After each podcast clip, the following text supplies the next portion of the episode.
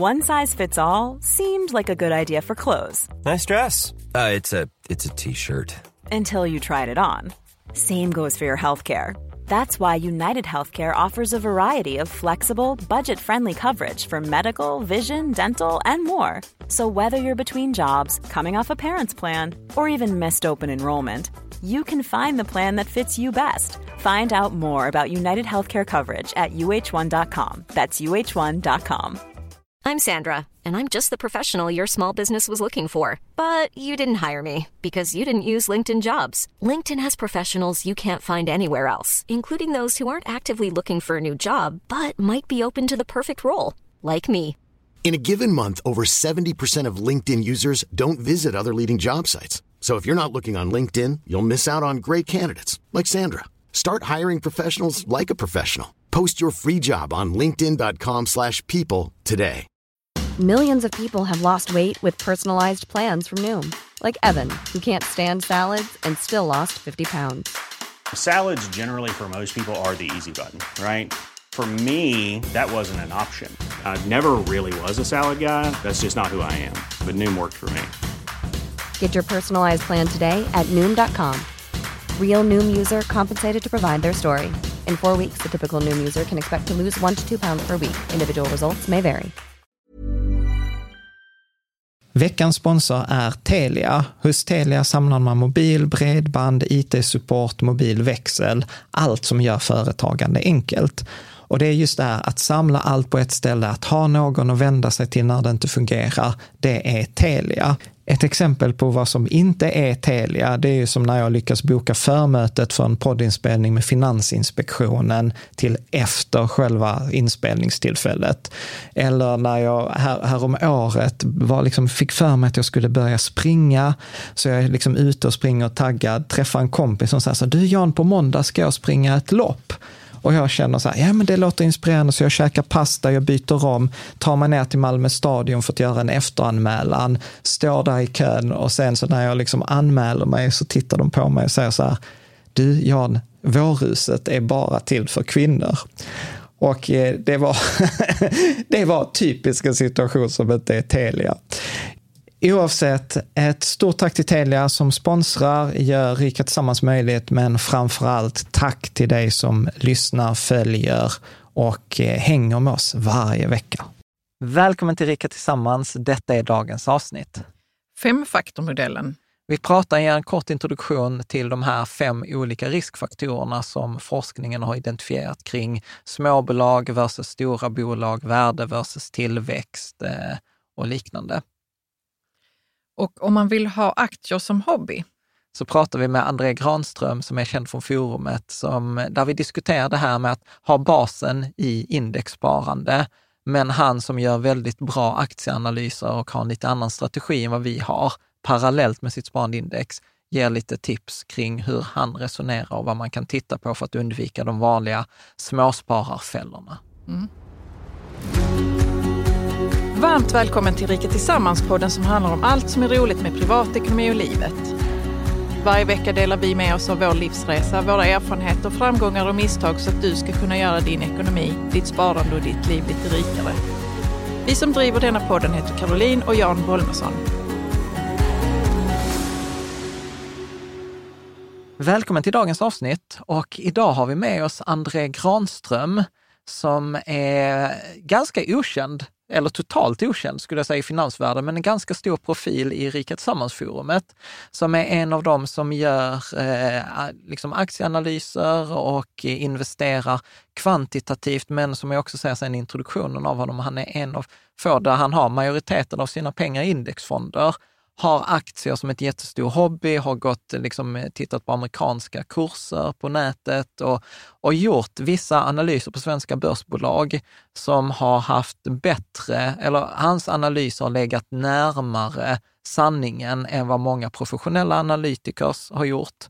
Eh, så att eh, han, jag skulle säga, är en av så här, naturtalanger när det gäller eh, analys. Och eh, ja, men jag tyckte detta var ganska roligt för att det är en av få gånger där vi kan prata om aktiv versus passiv Mm. utan att ja, man angriper någons yrke, för att detta är hans liksom, stora Det är hobby, hans hobby, ja. Mm. stora hobby och intresse i, i livet. Så att det blir så här, vi pratar om det så här, men ja, detta är den stora grenen. Och han säger, ja, jag håller helt med om den och det finns nyanser Mm. av den. Mm. Vad, vad tog du med dig från avsnittet? Jag tog med mig, eh, det var ju rätt mycket som var bra, men lite grann det där som vi pratade om med eh, att, att, eh, vad var det han gjorde på en servett? Om Servettskiss. Alltså, servettskiss över eh, hur man ska tänka kring vad man ska titta på kring ett bolag när man Ja. vill köpa aktier i det bolaget eller Ja. man är nyfiken på det. Ja, när man Mm. som enskilda aktier. Och det var Ja. så roligt att han beskrev också så här, det finns två grupper av småsparare i Sverige och när jag tittar på dem så gör båda samma misstag. Jag här, varför tittar de inte på den här tredje gruppen med lönsamma bolag som har haft tillväxt? Och, och det blir ju väldigt logiskt och rationellt eh, när, han, när han pratar det, om Ja, det. absolut, det blir det. Och sen Mm. pratar vi om det här också med att varje, att, eh, varje aktie man kan ha är ju en berättelse. Och du var ju lite så skeptisk och sen visade det sig att du hade ju visst då en jättebra berättelse om Men dina jag, ja, Tesla-aktier. det har jag, men det är därför som jag är skeptisk till det eftersom man, liksom, man blir, har ju svårt att göra sig av med aktierna när man borde. Ja, Man är, det är lite romantiskt att ha dem, man har sin lilla story. Kring, kring Identitet kanske till och med nästan. Ja, exakt. Mm. Så att, eh, men jag tror att detta blir ett, jag hoppas att eh, detta avsnittet ger lite nyans. Sen blir det ju lätt lite nördigt. Detta är som du sa i bilen, så här, detta är nog inget nybörjaravsnitt. Eh, utan Men ändå också är vissa partier vissa partier, väldigt absolut. väl förklarade om man nu är nybörjare och är intresserad av att pyssla lite med aktier. Ja, och jag gillade också just det att kunna men få bolla, men titta här, detta är forskningen överens om, detta är vi överens om och detta är väl det som kanske där, där forskningen liksom inte riktigt stämmer med verkligheten. Mm. Att Mm. det blir liksom nyanserna eh, vi pratar om. Och då blir det så här, behöver man ha koll på nyanserna?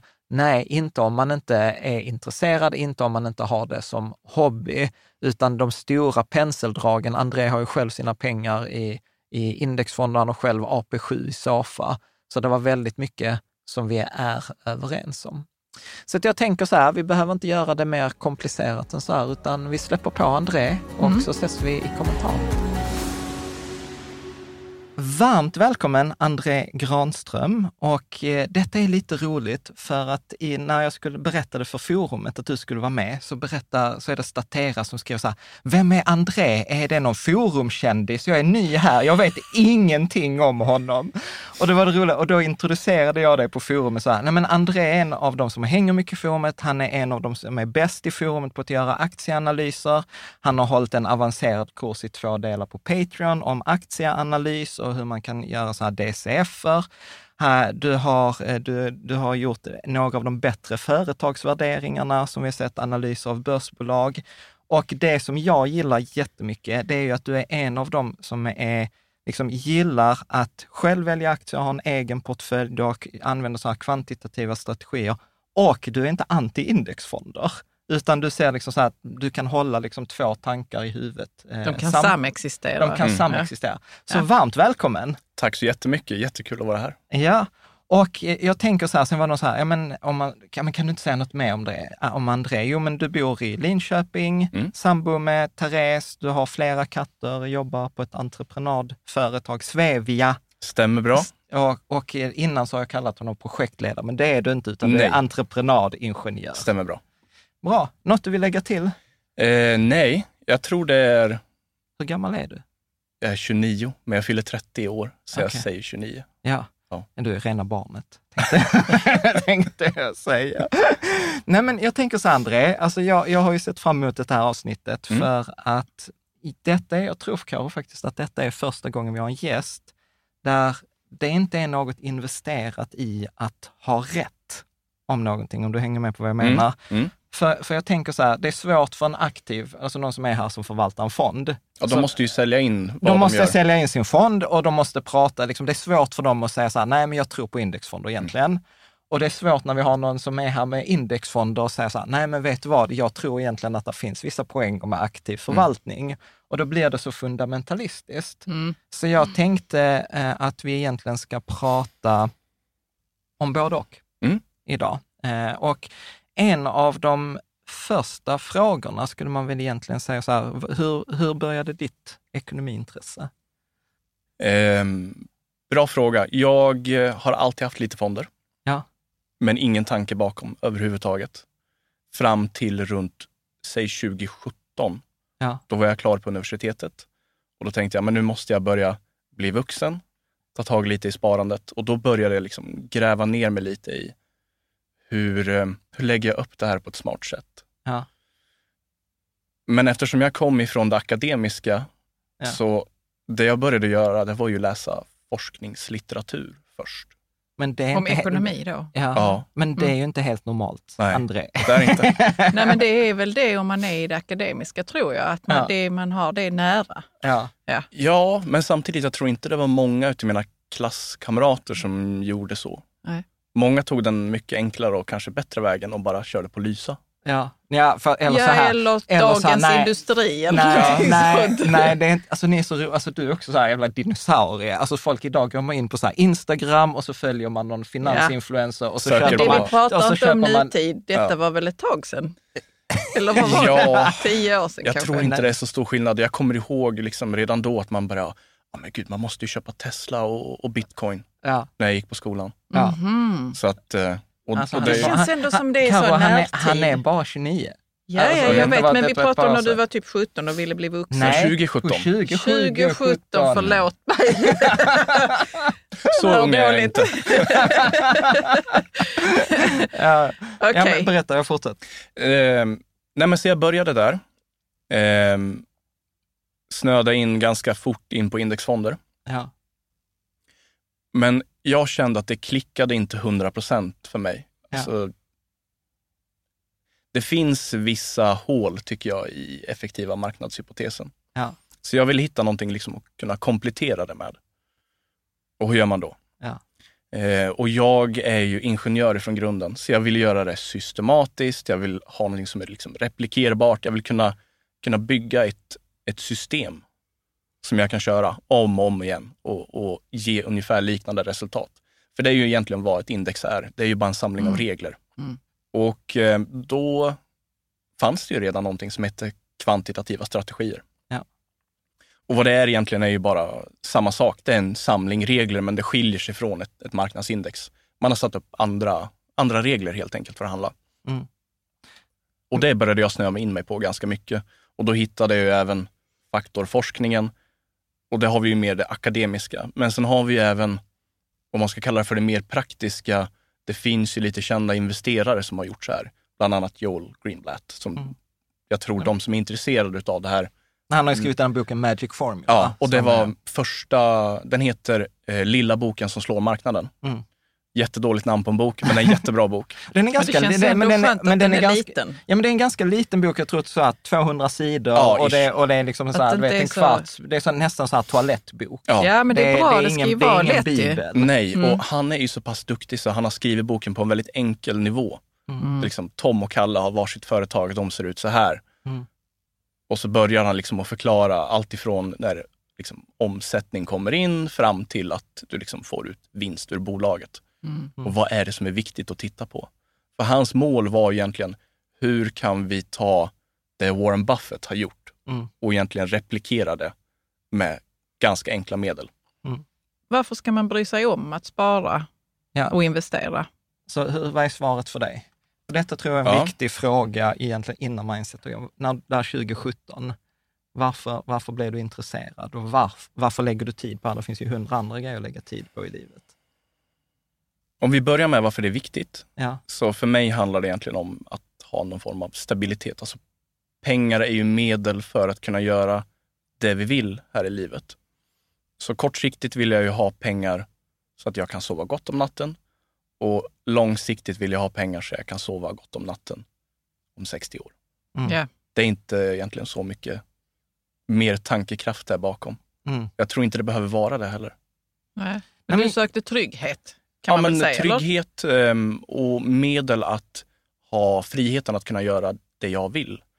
Jag brukar ibland känna lite, jag har fortfarande inte växt upp, jag vet fortfarande inte vad jag vill med livet. jag är 42, jag är fortfarande där. Ja, min pappa är 62 nu tror jag och Ja. han säger fortfarande, jag vet inte vad jag vill bli när jag blir stor. Ja. Och då tänker jag, jag vill ha ett brett spann Ja. som jag kan jobba inom. Hur får jag ett brett spann? Ja, men, då vill jag, jag vill ha mycket möjligheter och tyvärr innebär det ganska mycket pengar. Men här kan man ju också äh, räkna så här, hur mycket pengar är det då? Ja, Alltså vad är så här, mitt belopp? Vad är mitt belopp? Hur Mm. mycket FIRE? Är FIRE ett mål för dig? Eller för er?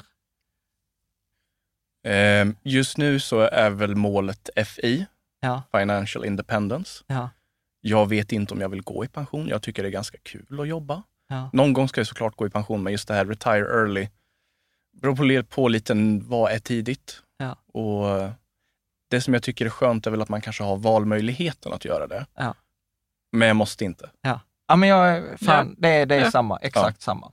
Men kan vi inte ta den här frågan ändå som ligger Ja. här på bottenplattan? Okej. Varför ska man avvara något idag? Alltså, säg att du vill ha någonting, Mm. men du ska, måste också spara. Ja, hur gör du i balansen Ja, vad- mellan idag och imorgon? Det, jag tror inte att det finns något matematiskt svar här, Nej, gud nej. utan det här är en beteendegrej. Ja, Ehm, jag har lagt upp det ganska mycket så att jag har kollat liksom på vad, vad kostar en månad för mig egentligen. Och sen ber vi till Gud att det är någonting över. ja, Ja, det blir det alltid. Ehm, och då har jag gjort så att när lönen kommer in, då Ja. sätter jag av. Jag har börjat med den enkla vet ni, 10%-regeln. ja. Sen har det eskalerat lite med, med åren såklart. det brukar. Ehm, och det jag har gjort egentligen, det är att eh, göra en, en ganska enkel prognos. Om jag fortsätter så här Ja. och så tänker jag att jag jobbar tills jag är 65. Hur mycket pengar har jag då? Ja. Det bra- borde vara ja, ganska mycket pengar ser- du är, ja, du är typ 30. Det ser ganska bra ut. Ehm, och då tänker jag så här, ja men då, då behöver jag kanske inte liksom, spara ännu mera. Jag behöver inte unna, jag kan unna mig lite mera idag om jag vill. Ehm, men hittar jag ingenting att unna mig för just nu, ja men då kan jag ju alltid liksom in med det i en fond. Färdigt. Mm. Det, det är inte så mycket svårare än så. Jag tror, inte man bör, jag tror många blir stressade över liksom om man har en klump pengar. Vad ska jag göra med de här? Och jag brukar alltid säga att det är helt okej att ångra sig. Ja. Det finns inget beslut som du inte kan ta tillbaka så länge du inte tar för mycket risk. Och grejen är så här att jag brukar väl även säga så här, är man ung så är det ju så här, man ska göra så mycket misstag. Du borde egentligen vara i misstagsfasen. Ja. Men du har redan passerat. Du, du är ju lite som jag. Jag brukar ibland säga att min stora fördel, eller orättvisa fördel är att jag är 42 och Mm. jag har gjort detta i 25 år. Så Jag, jag, så jag eh, passade på att göra mina misstag mellan jag var 18 Du, och inga 30. fler misstag kommer att begås nu. Det tror jag inte. Det är bara att kolla på förra året med, med, med vissa enskilda placeringar, hur, hur det gick för mig. Nej, men jag men, tror... du, men du antar också att André inte har gjort några misstag alls? Jo, jag vet att han har gjort misstag. Oh ja. Ja, okej. Alla gör Mm. misstag. Men det gäller Ja. att göra misstag begränsat Mm. och tidigt Mm. och lära sig från dem så att det inte behöver kosta hund. Man, man kan lära sig samma sak för att förlora tusen spänn som hundratusen. Ja. Good point. Jag gillar inte det uttrycket Varför överhuvudtaget. För jag har sett alldeles för mycket unga folk som tar, ja men det är lugnt. Jag har en jättelång tidshorisont. Ja. Och sen gör man nästan misstag med flit. Och det stör mig Vadå fruktansvärt. med flit? Vill, Ja, men- va, va, ingen vill ju bli av med pengar Nej. egentligen. Men jag tror många har liksom en psykologisk tendens att vi nästan, speciellt när man börjar med, vi säger enskilda aktier. Man ser det nästan som gambling, alltså dobbel. Man spelar om pengar. Mm. Och när man pratar, jag har lite olika kollegor som har gjort Mm. så här, ska inte hänga ut någon. Mm. De är ganska medvetna om att det är stor risk för att de kommer förlora de här pengarna. Men man gör det ändå. Och då är det just den där, ja men det är, jag gör mina misstag tidigt, det är lugnt, jag har lång tidshorisont. Ah, ja, vad gör det? Medveten om att man begår ett misstag, Ja. så kan man ju skita i att göra det Ja. misstaget. Jag tror det är sån här thrill seeking. Ja. Det Alltså att man söker spänning. Ja, men är Och så det gör man det men- inom det området och säger så här, Sen ja, tror jag liksom. medvetenheten finns inte där heller. Eh, världens åttonde underverk, Mm. ränta på ränta-effekten. Man lägger 10 000 kronor idag. Men vad är de 10 000 kronorna värda om man hade lagt det på ett bättre sätt Mm. om 30 år till Mm. exempel? Mm. Och plötsligt blir det ganska tydligt då att jag har inte bara gjort av med 10 000. Ja, ja, så, så, alltså så här, det där är ju skitjobbigt. Det är där. Det, det har en kompis, Kavastu, eh, Mm. som jag Arne Talving för något år sedan. Eh, och han är ju jätteduktig investerare. Mm. och så kommer jag, så träffades vi typ när nya iPhone 10 hade kommit. Och så tittade han på den och så var så här, ja men fin telefon du har Jan. Jag bara, ja. Och han sa, jag visste inte att du hade råd att köpa en telefon för 50 000. Mm. jag bara, va? Han bara, så vad gav du för den? Jag bara, den kostar ju bara 10, bara 10. Och han bara, ja och med lite ränta på ränta, så om 10-20 år så hade ju de 10 000 varit värda 50. Mm. Och då blev jag så här, bara, Åh! och sen så tänkte jag på vår bil och så var det så här, shit, du vet vad, 200 000, mm. alltså det hade ju kunnat vara en miljon. Och börjar man räkna, men så här, börjar man räkna så kring alla sina utgifter, då blir man ju störd i huvudet. Oh ja. ja, man måste ju leva också. Vissa, vissa ja. utgifter vill man ha. Eh, Jan, du har skrivit sådana frågor här som jag inte vet. Jag ska, vad säger evidensen och sånt? Okej, okay, okay, men jag kan Lite ta... torrt. Ja, men vad vill vad, vi fråga här egentligen? Ja, men så här, vad säger forskningen? Vad, vad säger de? Alltså, jag gillar uttrycket så här, just, liksom så att man har inte kommit på det själv, man står Nej. på axlarna på de som kom före. Mm. Så liksom så här, vad säger de? Vad har, jag gillar ju den här Lindy effekten som Nassim Taleb pratar om. Man säger så här att ja, men någonting som har funkat eh, i tio år lär mm. funka tio år till. Någonting som mm. har varit känt så här, i tusen år lär, liksom, det har bestått mm. tidens mm. eh, tand. Vad ja. ter sig fungera? Det är liksom frågorna här på ja, det, det, det, För mig är det vad filosofi är. Mm. Så om du skulle, om du skulle börja, vad, vilken liksom filosofi bygger du din strategi på? Steg ett ja. är just funkar det? Har det funkat historiskt och tror jag att det kommer funka framgent? Ja. För annars ser jag ingen riktig mening i att göra det. Ja. Sen det jag tror vi skiljer oss åt lite, du har valt, ska vi säga den största grenen inom forskningen ja. och sen kör du på den linjen. Jag gillar att kombinera olika tankar, olika strategier så att de kan växelvis dra lite grann. Ja. Inte bara rent praktiskt utan just för att jag tycker det är kul. Men, men ska vi ta så här, för att du säger så att för den stora forskningen, för jag, jag, jag har fuskat okay. och jag har förberett lite. Ja. Så jag bygger mycket min strategi på det som kallas i forskningen för KPM, ja. som säger så här, men eh, typ äg alla bolag i mm. alla länder, i alla storlekar, alla branscher. Liksom så här. Mm. Äg hela höstacken, leta inte efter nålar. Mm. Och, och den säger väl också så här att, ja men alla avvikelser från att äga allting det ökar utfallsutrymmet. Mm. Det vill säga det kan gå bättre eller det kan gå sämre. Mm. Men i de flesta fall så kommer du introducera en risk. Mm. Alltså högre avkastning kommer med högre risk och du får oftast inte betalt för den risken. Och sen om man, om man översätter detta lite då, vad är, vad är datan? Mm. Så har vi då till exempel avsnitt Spira 302 där, där de liksom som undersöker forskningen säger så här, men de flesta eh, aktiva investerare slår inte index det mesta av mm. tiden. När god avkastning har skett historiskt tenderar den inte att hålla i sig. Historisk avkastning säger lite om framtida avkastning och det är svårt att skilja på tur och skicklighet. Mm. Där skulle jag väl säga, håller du med om att det är den stora grenen? Ish ish som du är i. Ja, så, ja. Som du är i. Ja, jag skulle säga att det finns lite um, så berätta, satelliter. Skjut, ja, ja, men precis. Så, ja, men... Så, så, bara vänta innan. Så nu när vi också pratar, så att det blir inte som att du vet, oh, det ena är rätt, det andra är fel. Nej. För jag upplever ändå så här, vi håller med varandra till 80 procent. Absolut. Ish, ja. Så vad är de där 20 procenten som du liksom tycker att, ja men grenen är bra, men här är satelliterna? Absolut. Eh, jag tänker jag försöker hålla det på ganska enkel nivå. Ja generellt det som är bra det är att vara bred och diversifierad, absolut. Men jag ser en del hål i CAPM. Ja. För den funkar inte jättebra. Den är jättebra teoretiskt. Ja.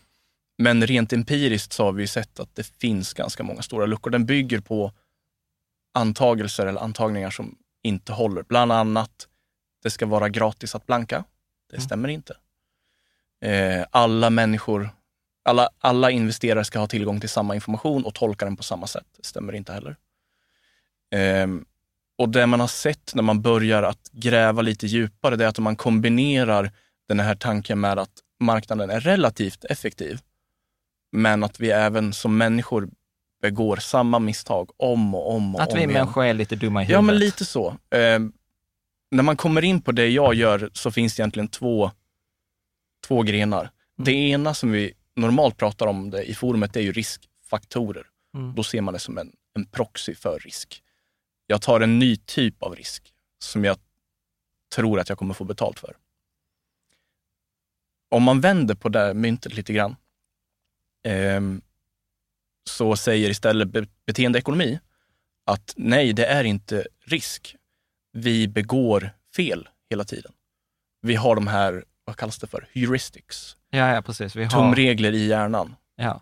Så här, jag brukar säga så här, motorvägar i hjärnan som vi, liksom, Exakt. som vi gör automatiskt Ja. utan att tänka på Som vi har bränt in. Ja, Och de leder ofta till ganska mycket misstag. ja. Eh, för det, om vi tittar på det rent krasst, det är för- inte de smartaste människorna som tjänar mest pengar på börsen. Mm. Det handlar inte om att vara smartast, det handlar om att tänka lite annorlunda om man ska slå marknaden. Men ska vi ta några exempel? Alltså jag, jag skulle säga en sån här heuristik, eh, det är väl så här, vi, vi behåller eh, investeringar som har gått ner. Vi stoppar Ja. huvudet i sanden. Ja. En annan sån där är så här, vi tror gärna att jag ska, har jag förlorat pengar i en aktie, så vill jag gärna att den ska återgå tills jag är plus minus noll. Sen kan jag sälja den Mm. istället för att bara döda den och liksom satsa på en ny, ny häst. Eh, det är det här att Mm. det smärtar mer en förlust Ja. än, än Mm. att tjäna pengar. Nej, men, eh, och att, eh, att vi, vi tror att vi måste tjäna in pengarna vi har förlorat i, i samma aktie. Ja. Som, som istället för att liksom så här, ja, men det måste tillbaka där jag köpte den, sen kan jag sälja den och Mm. byta. Och då kommer vi in på, vi fick en liten fråga i forumet Ja. om jag kunde övertyga dig kring det som kallas för momentum. Ja, Det är ju men, lite det det handlar om här. Men kan vi, kan vi inte ta ett steg bakåt då först och, s- och så säga, för att detta är ju också egentligen forskning och jag har egentligen ingen åsikt om det, Mm. men då säger man så här, okej, men ett problem där med den här KPM, äg Mm. allt, det var att eh, viss, det fanns en viss överavkastning och Eugene Pharma, samma person som egentligen står bakom de här KPM, Mm. eh, Pharma och Kenneth French eh, lanserade ju typ för ja, men 40 år sedan de här femfaktormodellen. Och då sa de väl, nu får du rätta mig för här, här är jag Mm, inte helt trygg, att eh, småbolag tenderar att gå bättre än stora bolag. Stämmer? Eh, värdebolag tenderar gå bättre än tillväxtbolag. Stämmer. Eh, sk- skillnad, jag, jag blandar alltid ihop, när, när man ska förklara Ja, skillnad ja, på det, värde och det är tillväxt. ganska enkelt egentligen. Eh, det handlar om hur bolaget prissätts. Ja. Hur dyrt är det? Och, och hur säger man hur dyrt någonting är? Mm. Om du går in på ICA, du tittar ju inte bara på... väl, exakt, eller? men du Mm. tittar ju inte bara på rena priset. För att, ah, okej, den här hummen är dyrare än den här godispåsen. Men det blir lite en konstig jämförelse, utan det finns ju nästan ett kilopris Ja. för en aktie. Mm. Och då kallar man det för multiplar. Och då sätter du priset på bolaget i förhållande till någonting fundamentalt med bolaget. Till exempel hur mycket omsättning de gör, hur mycket vinst de gör, hur mycket kassaflöde de har. Eller det som oftast används i forskningen, det är eget kapital. Och det är ju en del av balansräkningen, alltså hur mycket, Mm. hur mycket finansiella medel har man byggt upp i bolaget. Jag brukar tänka på det så här, är, är Mm. detta liksom ett bolag som man tror kommer växa och liksom stora Mm. värdeökning kommer ske på tillväxten? Eller kommer det ske att detta är liksom så här, det kommer inte ske någon tillväxt, detta är ett liksom stabilt, moget Mm. bolag. Och så det- är det ett värdebolag. Mm. Det, det, det, blir, det blir ju nästan en proxy för vad marknaden tror om bolaget framåt. Ja. Och då kan man ju ändra se det som, okej, marknaden ser att det här bolaget är väldigt billigt, eller vi ser att det är väldigt billigt. Det kanske är ganska riskfyllt. Ja. Och det är därför det överavkastar. Ja. Den andra delen det är, marknaden har fel om de här bolagen. Man överdriver hur illa det är och i andra änden så tänker man, ja men de här är framtidens bolag, det Mm. finns inget stopp. Precis. Ja, men bra. Eh, så att då, då hade vi små versus stora bolag, värde versus tillväxt. Mm. Eh, sen är det väl så här hög lönsamhet versus låg lönsamhet, vilket jag tycker så här, det måste väl vara den mest uppenbara faktorn, att, att ett lön, bolag med hög lönsamhet... Varför har man tagit med den då i Ja, de för att här den förklarar. eh, fem faktorerna? Den Ja, förklarar för- för- väldigt mycket. Ja. Den förklarar väldigt mycket. Ja, Men det okej. roliga är ju, jag har väldigt svårt att göra hjärngymnastiken där man säger att ett lönsamt bolag är mer riskfyllt än ett väldigt olönsamt bolag. Ja, det är lite så. Ja. Mm. Ja. Det, Ja. det finns en förklaring. Ja. Eh, de, nu säger jag något som jag själv absolut inte tror på, utan nu säger jag bara vad forskningen, Ja. eh, om man säger effektiva marknadsforskare säger. Ja. Ett väldigt lönsamt bolag kommer att uppleva mer konkurrens för att det är en överlönsam marknad och det kommer att komma in nya aktörer hela tiden. Medan ett bolag som går med förlust, det är ingen som vill ta sig in där. Jag tänker så här, om alla, all, om alla säljer grönsaker till förlust, ja, det är Mm. inte som att jag känner, åh, då ska jag starta en grönsakshandel gå med Precis. förlust. Men, Men- alltså man kan ju också göra affärerna fel så att det går dåligt Jo, men det kan vara ett bransch, Men man men måste det kan kanske vara- titta på Ja, men det- ja, hela branschen. Ja, men ja. till exempel så här, jag skulle säga så här, elektronik, sälj elektronik till konsumenter. Ja. Ja. Det känns ju inte som någon het bransch att ge sig in i. Liksom, man tjänar inte pengar på varan du säljer, du tjänar pengar på liksom, att folk köper den på avbetalning. Ja. Alltså det är ett Okej. typiskt exempel. Det var tre. Sen eh, nästa, är, nästa är momentum, brukar väl sägas som är Den är faktiskt inte med i femfaktormodellen. Nej, okej. För Och att- vilka är de sista två? Detta borde jag ha läst på. Nu ska vi se här. Vi har eh, en borde du kunna. Vad är din favoritfaktor? Marknaden! Marknaden, ja. Beta. Men, ja, ja, be, ja okej då. Ja. Ja. Vadå? Ja. Säg någonting mer. Ja, nu. Och det är ju egentligen eh, det Jan har pratat om i flera år. Att du ska få en förväntad överavkastning över den riskfria räntan för att du håller risktillgångar. Du håller aktier.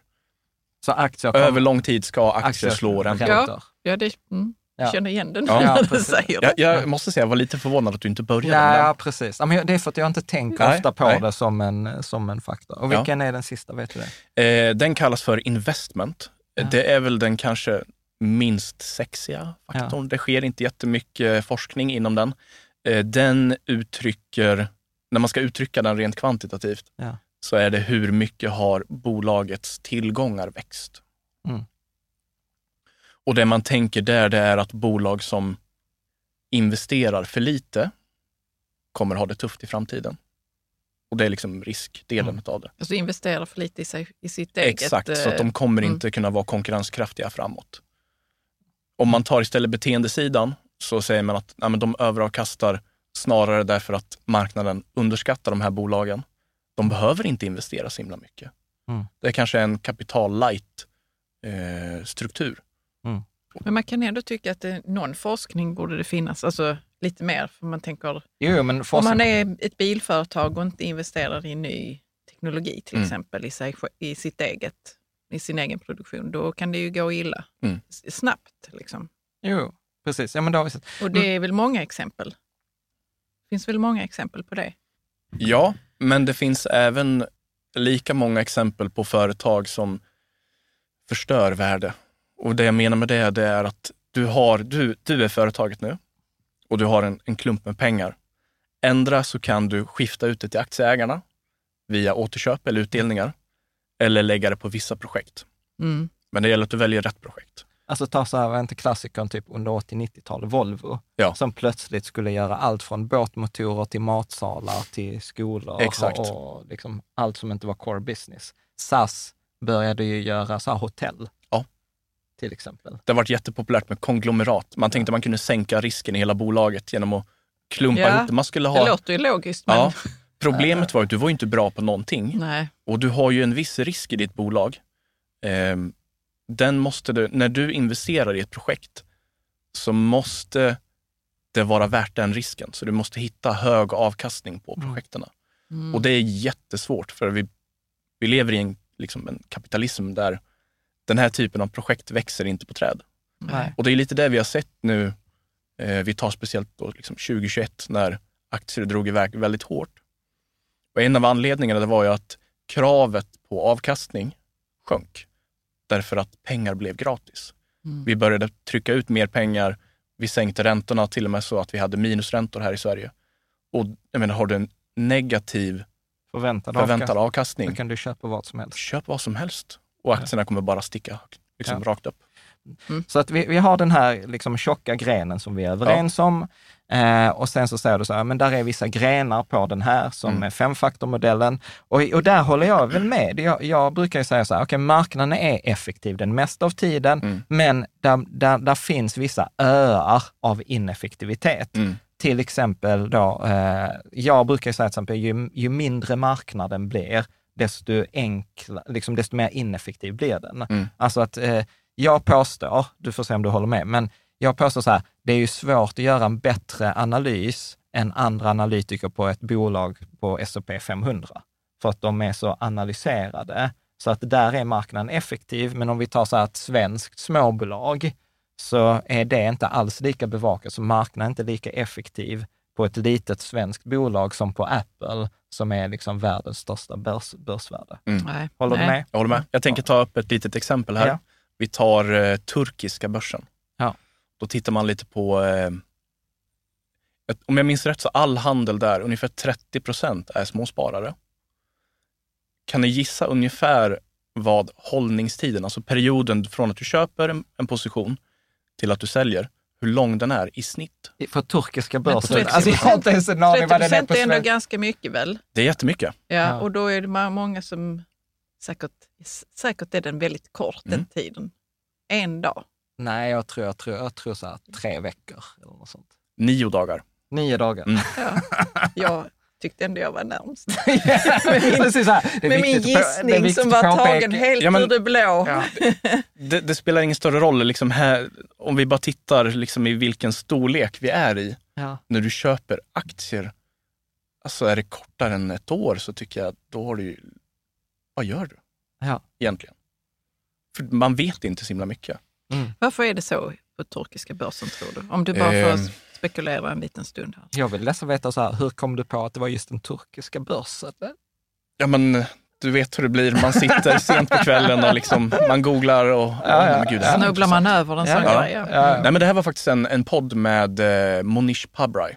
Okej, Han är, man skulle kunna kalla honom för Indiens Warren Buffett. okej. Då nämnde han det här. Han är mycket nu och tittar efter bra bolag i Turkiet och det har gått riktigt bra för honom. Ja. Så att eh, även duktiga investerare Ja. Håller nog med dig och säger att ja, men, nu tar vi och börjar fiska i enklare vatten.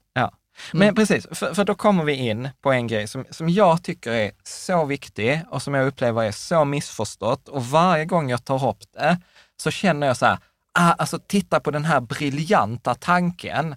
Och, och så känns det som att det bara går över huvudet på folk. Och så är det lite som det där Guardians of the Galaxy, som var så här, det är inget som passerar över mitt huvud för att jag är så snabb att jag fångar det. och så är jag så bara, bara äh, nej. Och det är paradox of skill. Detta är Ja. inte min Mm. tanke, detta är Mikael Mabuzan.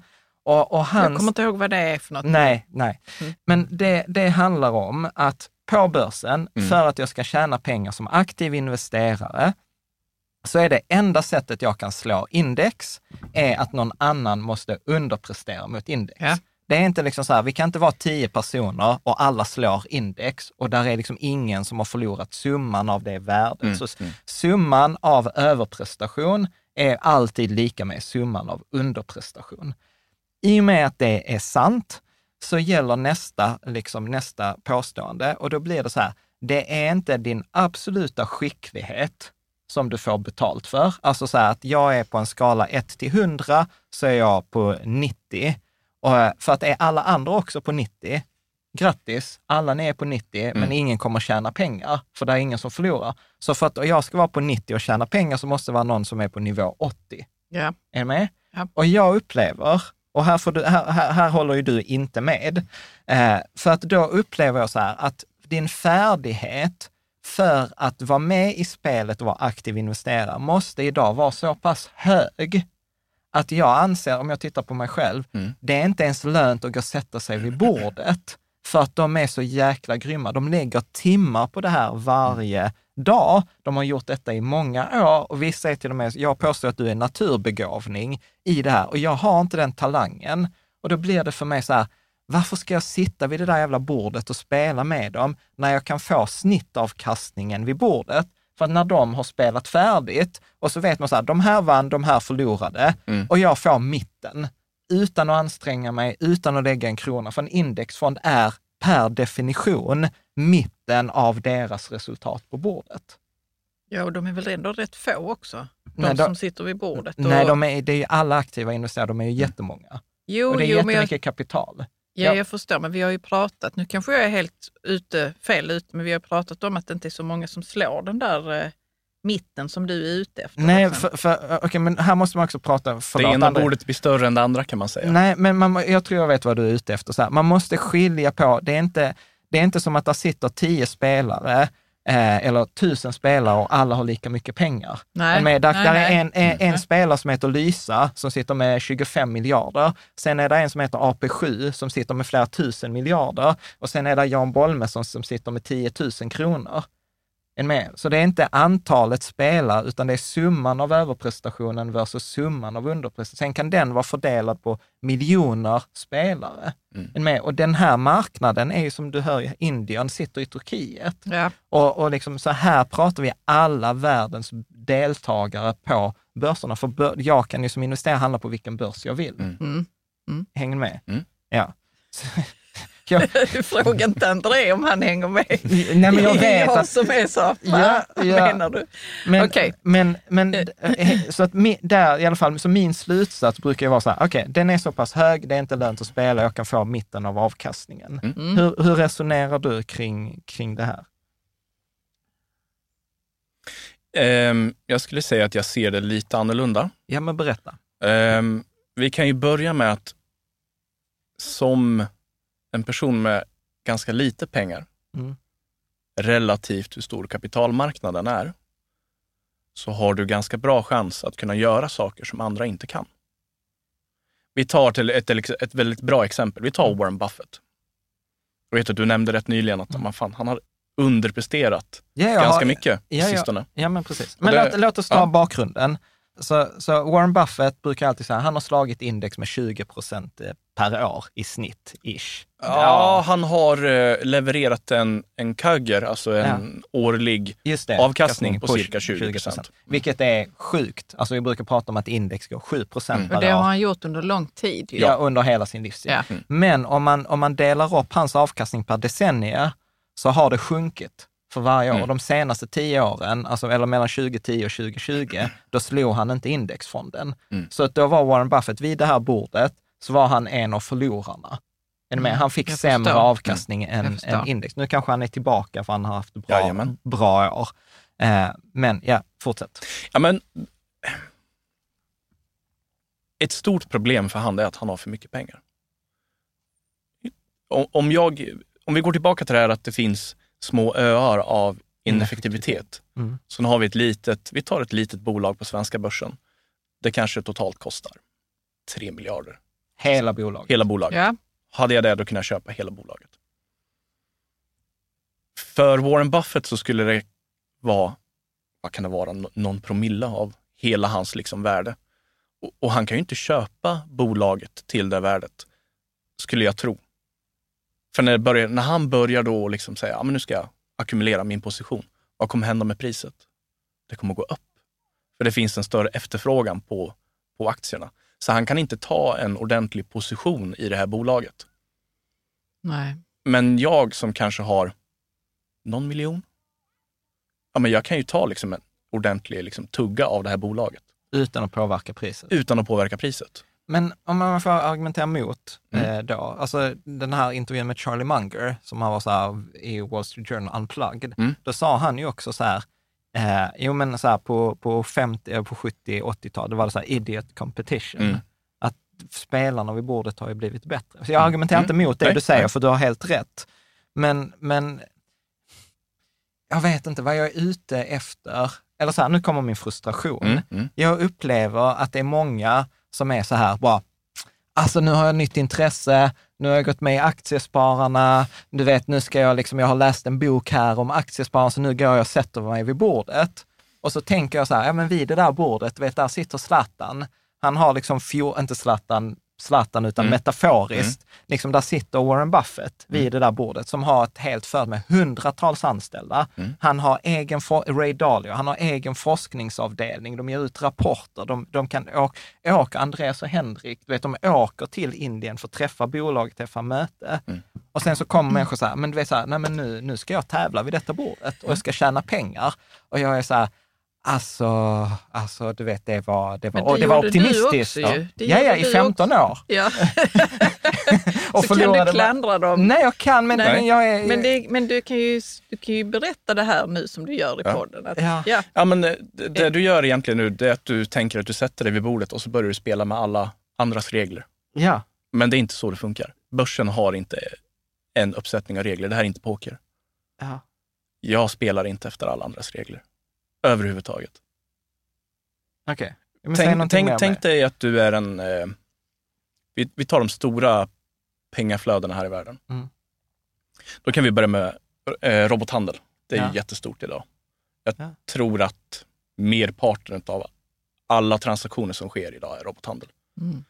Och det enda man gör då det är att försöka följa någon form av flöden. Det gör inte jag. Ja. Eh, sen tar vi eh, institutionella ägare, alltså stora aktiva investerare. De har en ganska så här, strikt uppsättning regler med vad de får göra. Det har inte jag. Eh, de har mycket pengar. Det har inte jag. Eh, de har kunder som säger, men vad har du gjort? Du, nu har du ju legat efter i sex månader här. Byt bolag. Det har inte jag. Mm. Jag har ingen chef som flåsar mig i nacken. Om man får ta upp det, det kanske är lite kontroversiellt, men hela ESG-trenden. Mm. Jag tror inte att det kommer att leverera överavkastning. Så jag kan skippa det. Mm. Men vad har hänt med alla fonder på sistone? Ja, ja alltså, det är en helt annan diskussion. Vi håller Ja. knappt på att få indexfonder längre för att alla är Mm. ESG-fonder. Mm. Mm. Mm. Så det handlar också inte bara om färdighet. Alltså det är enkelt att tänka att ja, men det är, är du smartast och sätter dig vid bordet så vinner du. Absolut inte. Det jag skulle säga nästan är viktigast, det är att du har disciplin. Mm. Och det är det du kommer absolut längst med. Och på grund utav hur incitamenten ser ut i finansbranschen så finns inte disciplin. Överhuvudtaget. Mm. Säg någonting mer om det. Ja, men om du sitter som, som fondförvaltare, du, eh, du vill ju få in så mycket pengar som möjligt till din fond. Det är, det är liksom ditt jobb. Ditt jobb är inte att skapa överavkastning egentligen. Nej, och jag tjänar inte pengar Nej. på att kunderna tjänar pengar. Nej. Jag tjänar pengar oavsett hur Ja, det går. Så vad, vad har vi att jobba med? Ändra så kan du försöka överprestera, Mm. men det är svårt. För då växer ju totala liksom, tillgången som du förvaltar. Eller så kan du jobba med avgiften. Det är jättepopulärt. Det är ganska enkelt. Och bara, men vi höjer lite. Mm. Då får du in mer pengar. Eller marknadsföra och få in nya kunder. Mm. Vilka tror du man jobbar mest med? Jag vet, jag behöver inte tro det. är marknadsföring och Ja. avgift. Ja. Och det är ju, om vi tar då avgift, det är ju bland det viktigaste Mm. som investerare. För det är det enda vi vet säkert idag. Mm. Vi vet ingenting annat. Vi, vi kan tro, vi kan ha en tro om att ja, men, marknaden kommer gå 7-8 procent framöver, bla bla bla bla. Men vi vet ju inte det.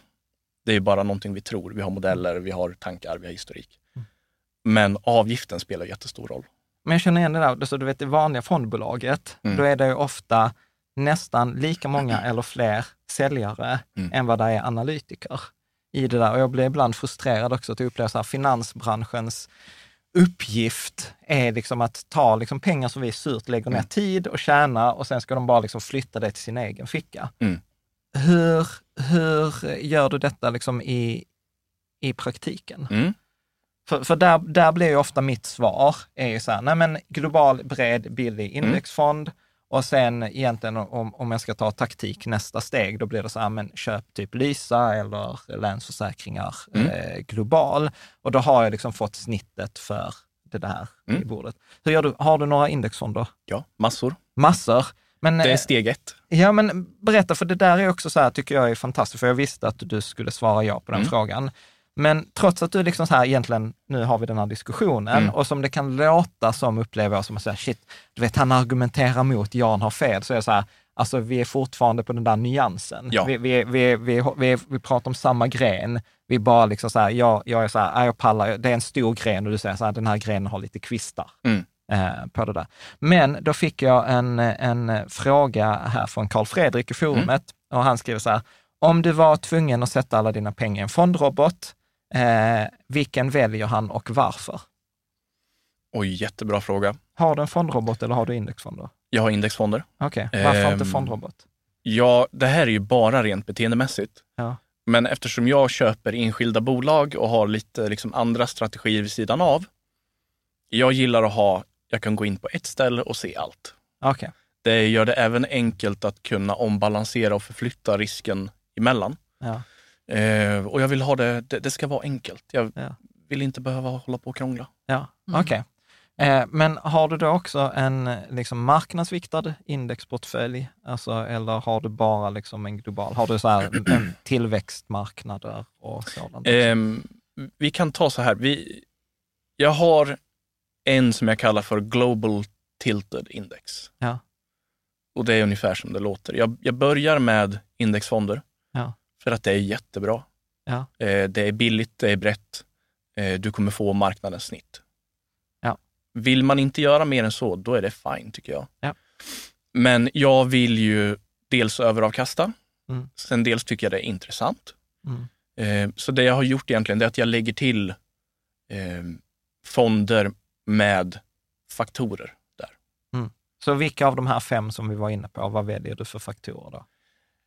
Det är lite krångligt idag i Sverige att eh, investera i alla fem. Vi tar till exempel investmentfaktorn. Den tror jag inte ens att det finns någon som har en produkt kring. Mm. Eh, Småbolag finns det. småbolag finns. Mm. Och då är det ofta för den som är så här, då finns det ofta att man kan på Avanza eller Nordnet söka på ofta ETFer, Ja. de här börshandlade fonderna. Och de här faktorerna, de förkorsas ofta FCT eller small cap, till Mm. exempel för småbolagsfaktorn. Eh, eller att det finns multifaktor. Ja. Alltså så att om, man- om du någonsin nu liksom har varit inne på Avanza Nordnet och undrar så här, var, varför står det faktor eller Ja. FCT? Mm. Ja, men det är de här Ja. forskningsfaktorerna. Ja. Men vissa av dem följer ju, in, eller de flesta följer ju inte forskningens liksom, strikta definition av det. Utan de har sin egen. De har sin egen liksom, twist på det. Eh, faktorer egentligen är karaktärsdrag hos ett bolag. Sen hur du uttrycker det karaktärsdraget, det är Mm. oftast det man liksom förändrar lite på. Om vi då går tillbaka till värdet till Mm. exempel. Då vet jag att MSCI, deras Value Enhanced Index, det är inte bara price to book, vilket är forskningsmultipeln, utan de kombinerar den med lite annat. Precis. Mm. Eh, Så hur ser, hur ser, så du börjar en bred global indexfond? sen Och- lägger jag till, jag har en multifaktorfond. Och en multifaktor, då är den att den tar hänsyn till alla de här. Ja. Ja. Eh, den det tittar på är lite annorlunda. Det är småbolag, Mm. värdebolag, momentum och det Craig Lacera tog upp, low volatility. Mm. Vilket i forskningen inte är en faktor. Men det förklarar ändå ganska mycket avkastning. Anledningen till att det inte är en faktor, det är att du kan använda andra forskningsfaktorer för att replikera den här faktorn. Mm. Och de har valt att eh, Mm. Inte räkna det som en faktor. Och låg, vol, låg volatilitet är bara att bolagen, de går inte jättemycket upp och de går jättemycket ner. Det Precis. går inte jättemycket. Så att det är ett typiskt sånt bolag som dina arbetskollegor hatar. Ja, ja men stabila bolag. Ja. Eh, och då menar man stabilitet i priset. Alltså Mm. det, de rör sig inte jättemycket. Och det är ju lite intressant för CAPM, det, det är ju egentligen den som är spiken i kistan för CAPM-modellen enligt Mm. mig. För CAPM säger ju att ett bolag med högre beta borde leverera en större avkastning. Mm. Eller hur? Ja. Men om man tittar på den här hinken, det är lite intressant, man kan grafa ut, ta alla bolag över hela världen och så delar vi upp dem i tio hinkar. Nummer ett, de är minst volatila och nummer tio är mest volatila. Och enligt CAPM så ska det vara ungefär en rak linje. Mm. En linjär progression över. Det man istället ser det är en liten kurva och sen vid nummer tio Mm. så faller avkastningen historiskt. Och det är för att det här är bolag som Ofta går i konkurs. ofta går en konkurs. Mm. Väldigt riskfyllda. Det är mycket småbolag eh, Mm. där småsparare är runt och härjar. Mm. Och eh, bara genom att undvika dem så har du fått inte bara en bättre absolut avkastning, men en mycket bättre riskjusterad avkastning. Mm. Ja, det är lite sorgligt det du säger om att småsparare är där och härjar. Ja, men Ja. småspararna är alltid Alltså de. alltid de- småspar- förlorare. Småspararna är alltid förlorarna. Tyvärr. Eh, och det visar man också i forskning som till exempel att, ja men, ta till exempel, jag brukar ibland eh, härja med, eh, vad heter Andreas och Henrik från Coeli, men titta på, de har en avgift på sin fond och levererar i linje med index. Så det betyder att de de facto behöver ju av, överavkasta minst sin avgift. Mm. Så det betyder att då, vid det där bordet, som vi pratade om innan, så är de ju på vinnarhalvan. Ja. Och de som alltid oftast hamnar på förlorarhalvan är ju småspararna. Mm. Och det är därför jag är så här, det enklaste en småsparare kan göra för att slippa vara förlorare, det är bara så här, kliv av bordet, indexfond. Mm. Då är du i alla fall inte en förlorare. Nej. Och vissa, nej, tycker, och vissa tycker att det är skit, skitjobbigt. Och jag är så här, jag är helt fin med att inte vara vinnare, Mm. bara så länge jag inte är en förlorare. Nej. Mm. Eh, Men liksom. där kan vi ju komma in, det är lite intressant. Ja. Eh, istället då för, vad, vad är det de gör egentligen? De satsar på att hitta världens bästa bolag. Mm. Finns det en faktor som vi kan likna det med? Ja, det borde vara värde, tänker jag. Nej. Nej. Kvalitet Kvalitet, okej. eller lönsamhet. Ja. Deras fond har gått ungefär som ett kvalitetsindex. Väldigt snarlikt Mm. på en väldigt lång period. Mm. Men vad är avgiften? För den här fonden är ju tekniskt sett, det beror lite- på hur man definierar men den är ju passiv. Det är ingen som väljer bolag. Utan det är ju bara att du har lite regler så följer du det. Ja, det de har ju regel som säger att bolag ska växa med 15 procent om året. Och oftast, typ- nej. Eh, jo, of- de har det. de har det? de ah, har okej. det, Jag, ja. jag tro- trodde du menade ett, ett kvalitetsindex. Nej, nej, nej. nej, det, Ehm. nej Coe- Coelis eh, fond, de har ju så här att ja, men, eh, omsättning och vinsten ska växa med 15 procent om Mm. år på de bolagen vi köper. Sen är inte det alltid att därför växer aktiekursen med 15 procent, men det är en av deras viktigaste Mm. eh, kriterier. Ja, men, eh, normalt så kursen har en tendens att följa vinst per aktie Ja. över lång tid. Ja. Så då kan du ju liksom hålla ner avgiften ganska mycket. Mm. Det är dyrare än att driva en, en marknadsindexfond av ganska naturliga skäl. Om jag går ut idag och så köper jag alla bolag och marknadsviktar dem. Mm. Hur gör jag sen fr- framöver för att behålla marknadsvikt? Rent teoretiskt. Ja, du får köpa sälja eller vad Nej, jag behöver inte göra någonting. Jaha. Mm. Varenda bolag som går upp Ja. ska jag ju bara låta springa iväg och varenda bolag som går ner ska jag ju bara liksom låta vara. Mm. Det enda jag behöver tänka på är när det kommer in nya bolag Mm. och köpa in. Ja. Så Ja. det är ju den mest effektiva strategin för att hålla ner courtage och avgifter och handel överlag. Ja, men, ja, jag fattar. Det är Men var precis... befinner vi oss nu? Vi är inte i en indexfond alltså? Nej, vi Utan pratar... vi är någon vi, vi, annanstans? Nej, men vi pratar så här, eh, att vi är fortfarande på Andrés portfölj, att han Mm. har basen i Ja. en indexfond Ja. och, sen, och sen gillar han ju tilta mot de här faktorerna. Ja. Medan vi, jag brukar så här, Mm. ah, jag pallar inte. För att jag upplever ju sen att, att ibland, att de här faktorerna är ju inte typ, jag vill inte säga bevisade i forskningen, men det är också ibland svårt så här, ja men värdefaktorn kan ju underprestera mot tillväxt i tio år. Mm. Och då kommer vi tillbaka till disciplin.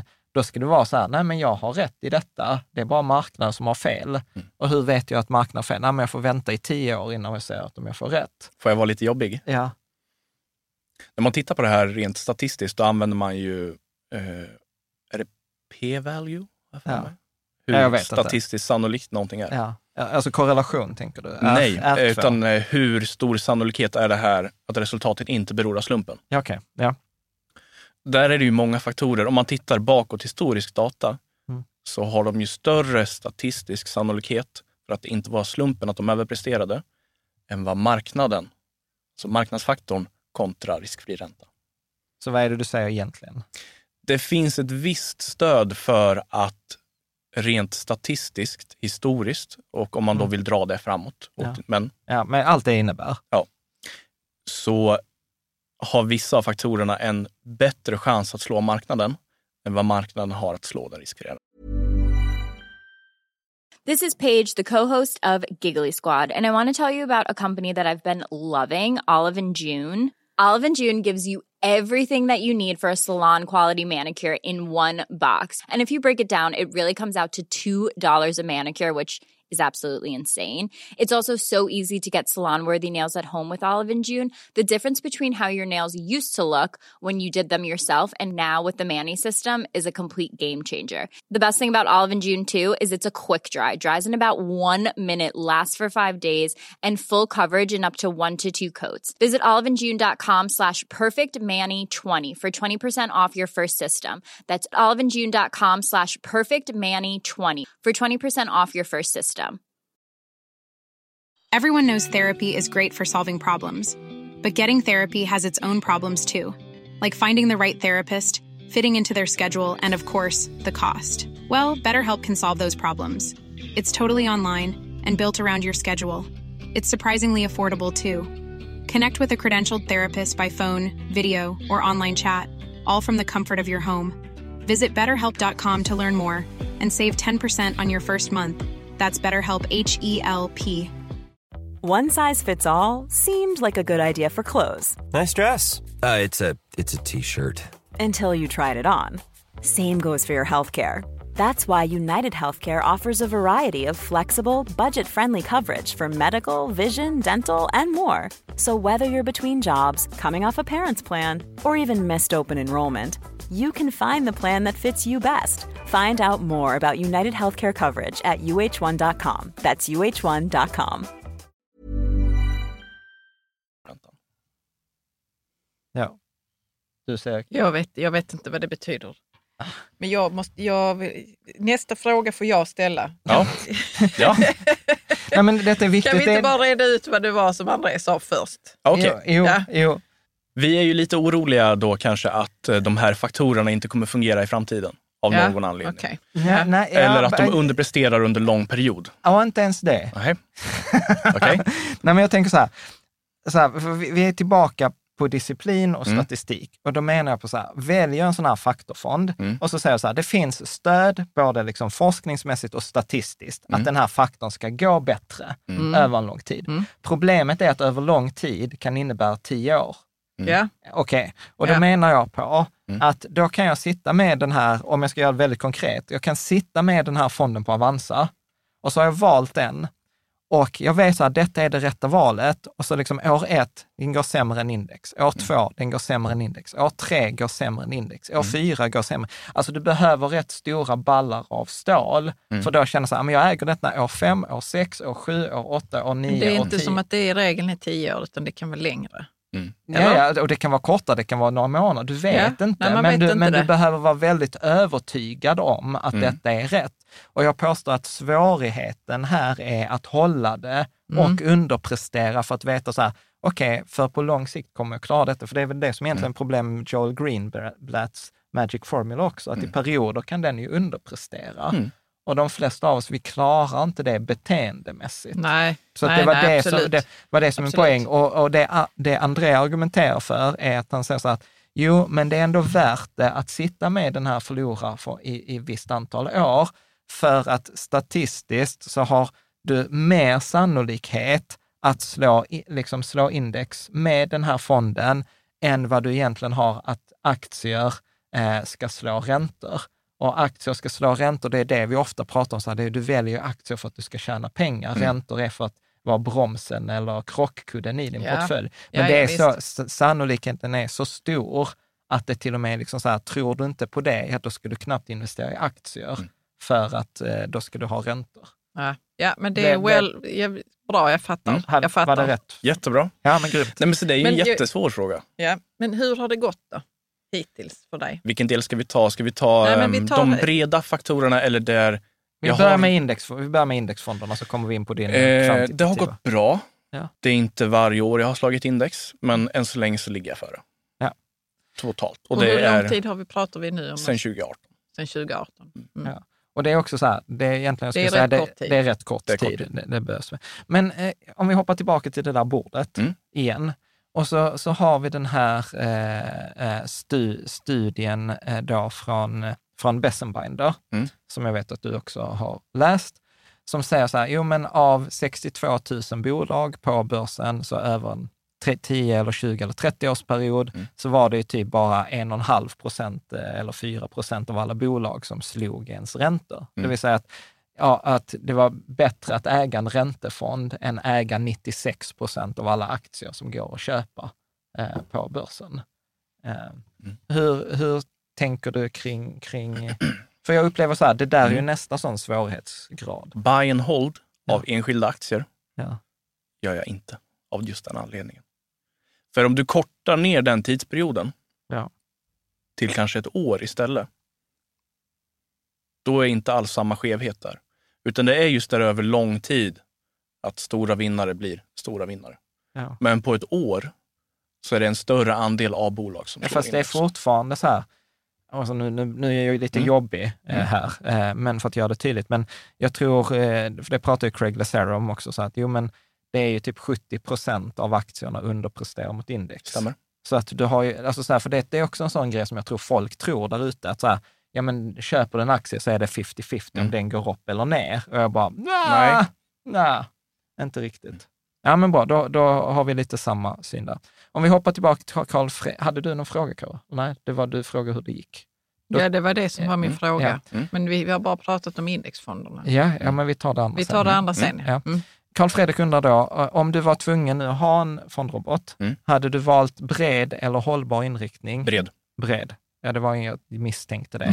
Det kom snabbt det Ja, svaret. Men om du, hur skulle du säga, så? för då får jag ibland, du vet, så jag skrev någonting på Instagram och så fick jag så här världens, du vet, så här diss av någon. Bara, ja men du är sån kapitalist som inte bryr dig om klimatet. Och, och, det är företag som... eh, och, ja, och så var, ja, jag, och så, jag vet, jag kommer precis ihåg Du kommer ihåg kommentaren, Ja, ja. Och jag själv är så bara, ja, vi, alltså det är inte så mycket bevis för att, att, att du och jag handlar en aktie påverkar ju inte eh, liksom eh, Andrés företag.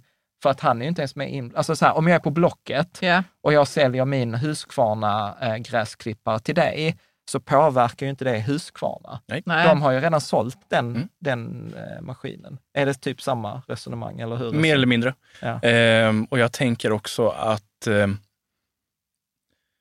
nu har jag för lite kapital Ja. för det här. Men jag har ju större chans att kunna göra något positivt genom att gå in i ett bolag och säga nu är jag som ägare inte nöjd. Nej, och sen tänker jag det andra som jag har problem med hållbarhet eller med ESG är att det är väldigt subjektivt. Mm. Alltså innan eh, 20- 2021, då var det ju alltid, pratade vi så här, vad är det man väljer bort? Man väljer bort tobak, porr och fossila bränsle och vapen. Mm.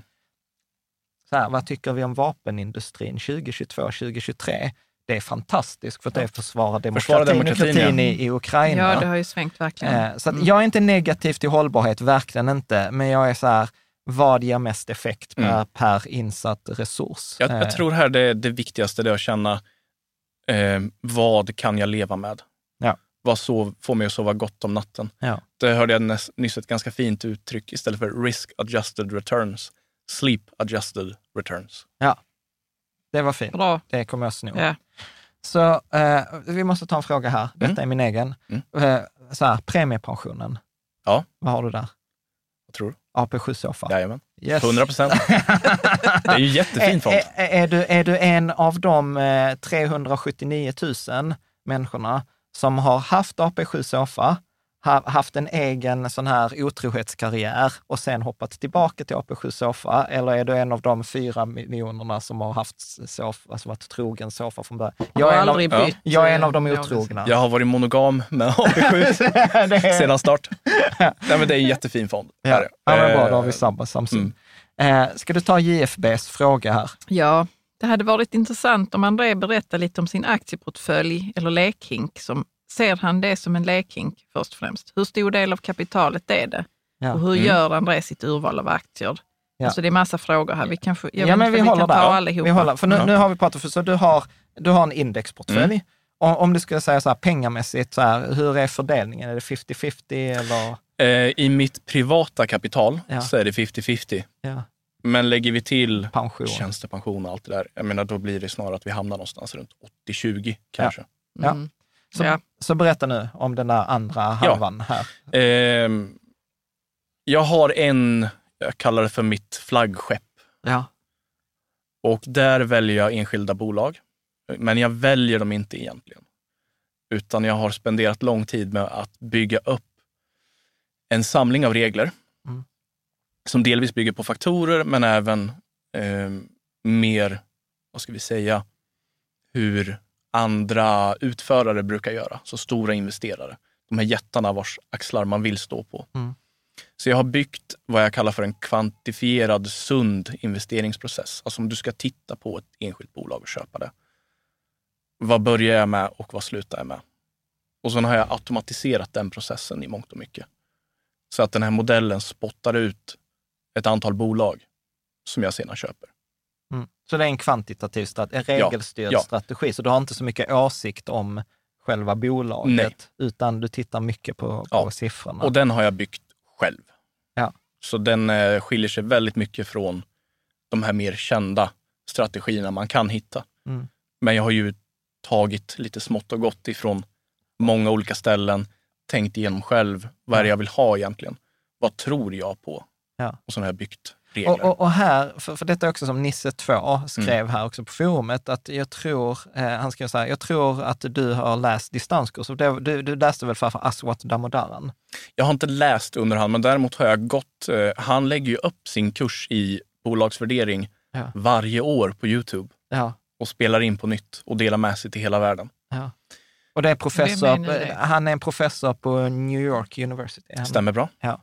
Eh, och och han, han anses väl vara en av de bästa på, Absolut. om inte den, den Han har bästa. skrivit Bibeln i bolagsvärdering. Ja. Mm. Eh, och och han, har, han, har, han, har, han har ganska fina så här resonemang. Det, det är väl han som också handlar om så att, att när, när du gör ett aktieköp så är det en story. Mm. Att du bygger en berättelse eh, om då att din portfölj är egentligen en samling berättelser. Mm. Och så ska du försöka få att den här berättelsen för varje bolag ska hänga ihop och summan av dina berättelser ska också hänga ihop. Vad du, du ser, ser... eh, Nej, jag bara, alltså det är ju så främmande för mig. Och Ja. så är det lite så, är det hittepå liksom? är det inte att romantisera vad man, hit, vad man gör egentligen? Men det gör vi väl alla, tror jag. I någon mån. Vi gör det för att vi tycker det är kul. Precis, vid sidan av här, att det Mm. kändes konstigt för mig, så tänkte jag på mitt eget, eh, så, hur jag själv fungerar. Ja, men- Det är- man fungerar ju så. Ja. Tänk dig att du ska, du ska köpa ett bolag Mm. och så ska vi göra det här liksom lite, lite proffsigt och snyggt. Vi ska börja räkna på vad vi tror framåt om bolaget. Du måste ju ha en story i hjärnan. Vart är det här bolaget på väg? Jag, jag vet inte. Ja, men, en, en, Jag pratar med ja. någon så, så här, vet, jag, är- jag, jag investerar inte så mycket i enskilda Nej. aktier. Karo är ännu längre. Ja, men jag har några enskilda aktier. Ja, men nu är okej. det så. Ja, ja, Var ja, är ja. mitt Tesla på väg? Jag Ja, känner men så, det nej, går nej, dåligt nej, för dem. nej, nej, nej, nej, nej. Ja, vi Det är en dålig story nej, just nu. Nej, vi omformulerar. Varför köpte, du, varför köpte du Tesla när du köpte Nej, den? men det var länge sedan ju. Det var för att Mm. jag tyckte om eh, Elon Musks Mm. Vision om att vi ska bli multiplanetära. Multiplanetära. Ja. Bra ledare. Ja. Du kanske tänkte att fan, bolaget kanske kan tjäna lite pengar. Ja. Ja. Fast det var eh, verkligen sekundärt. Ja, Det är intressant. och sen Ja. gillar du För det bil- visste inte Ja, jag, att nej. Tesla skulle liksom ta eh, bilmarknaden på Nej. det viset som Nej, de gjorde. Men du, det tilltalade att det var elektriska bilar, ja. eller hur? Du tyckte de var ganska snygga. Alltså Ja. vi har en bild så här, när, när, vi, när, var det så här, när jag fyllde 30-ish, den första Teslan kom till Mm. Norden, så tog Karo mig på dejt till Tesla i Köpenhamn. För Ja, visst. vi hade Långt inte, i vi, vi, hade, vi hade inte råd att köpa den, vi kom dit och fick provköra. Så, att, så att du, var Ja, ju, du var ju attraherad till det där. Ja. Ja. Mm. Så det där är väl en story? Det är Det är en story. story, men det gör också att jag har hållit fast vid de aktierna och nu Ja. har de ju gått ner jättemycket och jag har dessutom fler än innan. Och vet vad det Och för- det är jättejobbigt. Jag, Vänta, jag vet väl du har varit inne och sett på min Avanza där. Det Alltså- var någon som hade varit inne och köpt har jag hört. Ja, ja, det var någon som var inne och köpte här också. Eh, faktiskt, det, det såg 13 april nu 2023 var någon som Du köpte har varit och Tesla. sett det, ja. Tesla. Usch vad jobbigt. Så Men- bara ångrar jag det. en, en, jag vet inte om det är bra att ha en story och romantisera Ja, men- sina inköp. Ja. Vänta, vänta, vänta, innan du hoppar in. Ja. Keep that thought. Då ska det också bara sägas, när Karo säger att det har gått ner jättemycket, Mm. det betyder att hon bara är 2200 procent plus Mm. I Karos värld. Jo, jo, men de nya som jag köpte, det var ju ändå onödigt. Men det var ju för att jag tänkte så, nej, det är långsiktigt för mig det här. Vad roligt, hon sa ingenting, utan Nej. vi upptäckte Ja. det på, så här, vi hade en Vi fika, vi hade en fika. fika tillsammans och så kom vi in så här, vi skulle prata om Tesla och så skulle jag kolla så här hur det går. bara, och så "Va, var det så är här, köp, stycken." så var det så här, köp, nej det var köp i graf. Och jag bara så här, vad fan har hänt här? Ja, men det är Ja. roligt, jag fortsätter nu. Eh, Ja, men, det du egentligen har gjort då, du har ju byggt upp din story, men du har inte förankrat den i någonting. I verkligheten, skulle jag säga. Om Men man vad skulle pratar jag gjort om jag hade förankrat den? Hur skulle det sett ut då? din målbild och hur du ser vad som kommer hända med bolaget, måste man räkna på. Så att man Ja, ser att det det, är rimligt. För Ja. att det är väldigt vanligt, det här har jag märkt mycket när man pratar just med småsparare. ah, men jag tror det, det här bolaget de kommer ju växa med 40 procent kommande tio år. Alltså 40 procent per år. Ja. Och sen gör jag bara lite snabb svettkalkyl. Ah, grattis, nu står de för en tredjedel av Stockholmsbörsen. Tror du att det är rimligt? Nej, nej. Så man jag måste inte göra sagt de en här... siffra. Nej. Nej. Och just de här, att, att räkna på det och göra lite så här rimlighetsbedömningar. Vad är möjligt? Ja. Det tror jag är jättebra om man ska köpa enskilda aktier. Och där finns ju vissa aktier som till och med så här, kallas de facto story stocks. Alltså så här, Vilka är det då? ja men ta SBB, Ja. Mm. har ju varit en sån här, du vet, Ilja Battlan, gud så här, så vi kommer höja utdelningen i 100 år. i 100 år. Och du vet, Ställdes folk- in nu. Ja, och, och, vet, och ställdes in året efter. Nej, men, eh, och det är ingen mening dissa Ilja Battlan, utan det blir så här, det tilltalar folks stories. Det var massor av människor som var så här, jag gillar att få lite utdelning varje Mm. kvartal. Och det var ju mycket bättre att få utdelning varje kvartal än varje år, så det var en plus.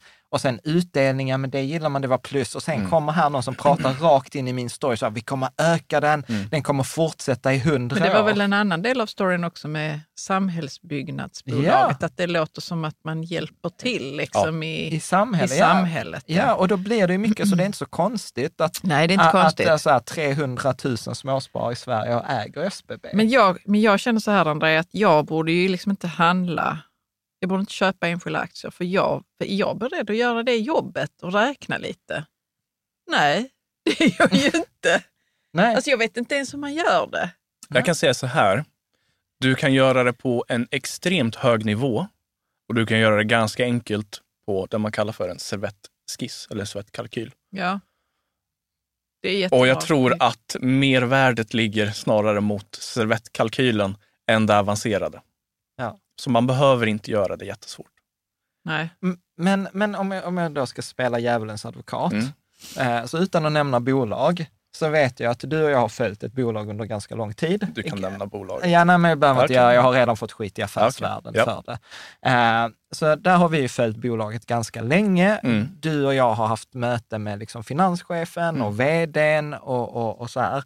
Och där har ju du de facto, detta finns det ju liksom historik i forumet, du har ju gjort bättre analyser än många professionella analytiker. Jag skulle våga sticka ut hakan här och säga att jag har lagt bäst ett estimat på det här bolaget i hela världen. Ja. Ja. Och, och, och- då pratar vi om så här, Goldman, ju, det och, och vi pratar så här, Goldman and Sachs, eh, Ja, vi ja. pratar andra, Jag vi, pratar, vi fick till och med liksom från vdn var så här, okej ni har gjort en bättre, mer, be, bättre, ni förstår bolaget bättre än vår bankanalytiker. Det är liksom Ja, så här, det är det, det, det, är citat. Mm. Mm. Eh, och då, då menar jag på också till exempel så här, okej, när, när man kollar på de här analytikerna, är inte det lite samma, nu kommer en tes här, Mm, så att om det är någon analytiker som känner sig träffad, lägg gärna ett mejl för jag har gärna fel. Men att jag upplever så ibland att det är svårt att göra en annan analys, att min servettskiss måste likna din servettskiss. Mm. För att om vi är liksom tio professionella analytiker och min servettskiss skiljer sig åt, då kommer det, och jag har fel, så kommer jag behöva ha ett samtal på, med, med, Mm. på jobbet med chefen. Ja. Är med för Ja. att liksom så här, då, då är jag kass. Mm. Så att jag har, och eftersom jag inte tjänar mer pengar om jag har rätt eller fel, då är det bättre för mig att göra en servettskiss som ligger i linje Mm. med alla andra servettskisser. Absolut. är- Medan du ja, är så här, jag så här jag, jag jobbar på Svevia, liksom så här, ja, fuck it, jag gör, jag gör min analys Mm. och sen fattar jag inte, jag hade ju liksom sovit dåligt om natten, för jag hade tänkt så här, shit, ja, men jag har nog fel, de andra har nog rätt. Alltså, står det. Så ett, håller du med om resonemanget Absolut. att, att analytiker går i grupp? Ja, ja, gud, det, är- det är flockdjur. Det är flockdjur. Ja. Så nummer två, när du har gjort din servettskiss, Mm. hur, hur vet du att din servettskiss är rätt? Alltså förstår du, hur är, hur är tilliten till den där? För jag har inte den tilliten till Nej. mig själv. Förutom nu, nu, nu har jag liksom efter 20 år landat i indexfonder. Då Mm. är jag så här, någon säger du har fel, då är jag så här, ja ja. Eh, hur, hur gör du? Om vi bara börjar att förtydliga. Eh, Mm. Den eh, flaggskepps... Där räknar jag ju inte själv. Nej. Utan där har jag en modell som spottar ut vad jag ska Ja. köpa. Men när jag köper enskilda bolag, Ja. tillit kommer ifrån att förstå din process. Ja. För vi kan inte styra utfallet överhuvudtaget. Investeringar innehåller mycket slump, Ja. men du kan styra din process. Så har du byggt en bra process och har tillit till processen, då tror jag oftast att man sover ganska gott om natten. Ja, ja, men det, det, Mm. det är sunt. Men om du skulle liksom göra en sån här servettskiss. Mm. Du behöver inte vara Tesla, för att jag vet Tesla är en typ en storystock, Mm. väldigt speciellt djur. Men vad, vad skulle du kolla på? Nu kommer vi komma in mycket på vad jag tycker fungerar. Ja, Det vill jag vara jättetydlig med. Ja. Bolag som har varit bra tenderar att fortsätta vara bra. Nu menar jag rent fundamentalt. Ja. Bolag som har tenderat att växa har en tendens att fortsätta växa. Förlåt, får jag avbryta? Ja. Jag gillar den tesen att man så här, saker brukar bli så som man tror. Ja. Jag gillar den tesen i alla områden i livet. Och det är Och precis det, det, finns, du det, säger. det finns statistik på det här. Ja. Om vi delar upp eh, eh, bolag i, nu blir det fyra delar för det är det jag har statistik på. Ja. Och så tittar vi på hur bra de är ur ett lönsamhetsperspektiv. Och så delar vi upp dem och så låter vi fem år gå framåt. Om vi tar hink 4, där, där har vi liksom bottenskräpet. Hur många, alltså andelen i procent, tror ni har rört sig från hink 4 till hink 1? I typ inga. 6 procent. Mm. Majoriteten ligger kvar. Hur många, hur många stannar kvar i hink i ett av hink ett, vet du det? Eh, jag tror det ligger någonstans runt 60 procent. Ja. Okej. Sen är det lite mer rörelse till hink 3. Så det Ja. finns en tendens ändå att man blir lite bättre. Ja. Och samma sak i hink 1. Mm. Många har en tendens att över väldigt lång tid att kanske gå ner till hink 2. Men det är sällan man faller ner till hink 4.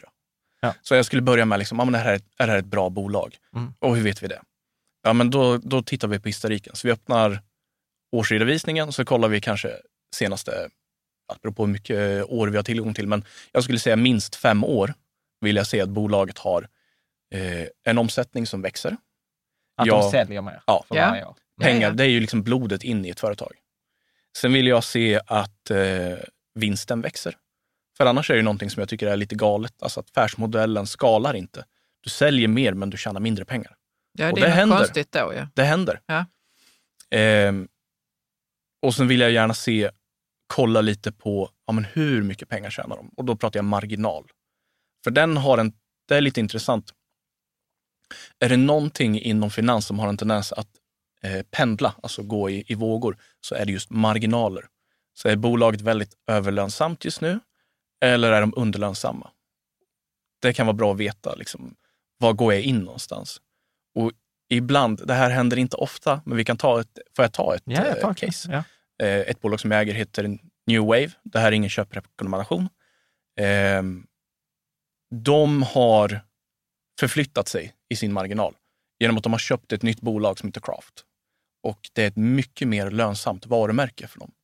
Så istället för att tjäna 7-8 procent så kanske vi framöver förväntar oss runt 15 procent Mm. i vinst. Mm. Mm. Och det är sånt man måste nästan hålla koll på lite för att när vi ska sen göra en prognos framåt, då måste vi ha koll på hur mycket tror vi att omsättningen, alltså blodet in, hur mycket kommer det växa och hur mycket kommer bolaget få behålla. Det är jätteviktigt. För annars har vi egentligen ingenting att liksom hålla oss i om vi köper ett bolag. Vi vill ju kunna stämma av lite då och då. Ja, men hur, Mm. hur ligger det till egentligen? Men är inte det också så ganska enkelt? Jag gillar ju så här, i, i grunden, jag var på någon kurs, så var det så här, Mm. vad, är, vad är syftet med alla bolag? Mm. Och så var det så här, någon som var så här, gå med vinst, bara, nej, syftet är flytta pengar från kundernas ficka till ägarnas Jajamän. ficka. Och Och, jag, och jag var så här, fan vilken bitter kapitalistisk syn.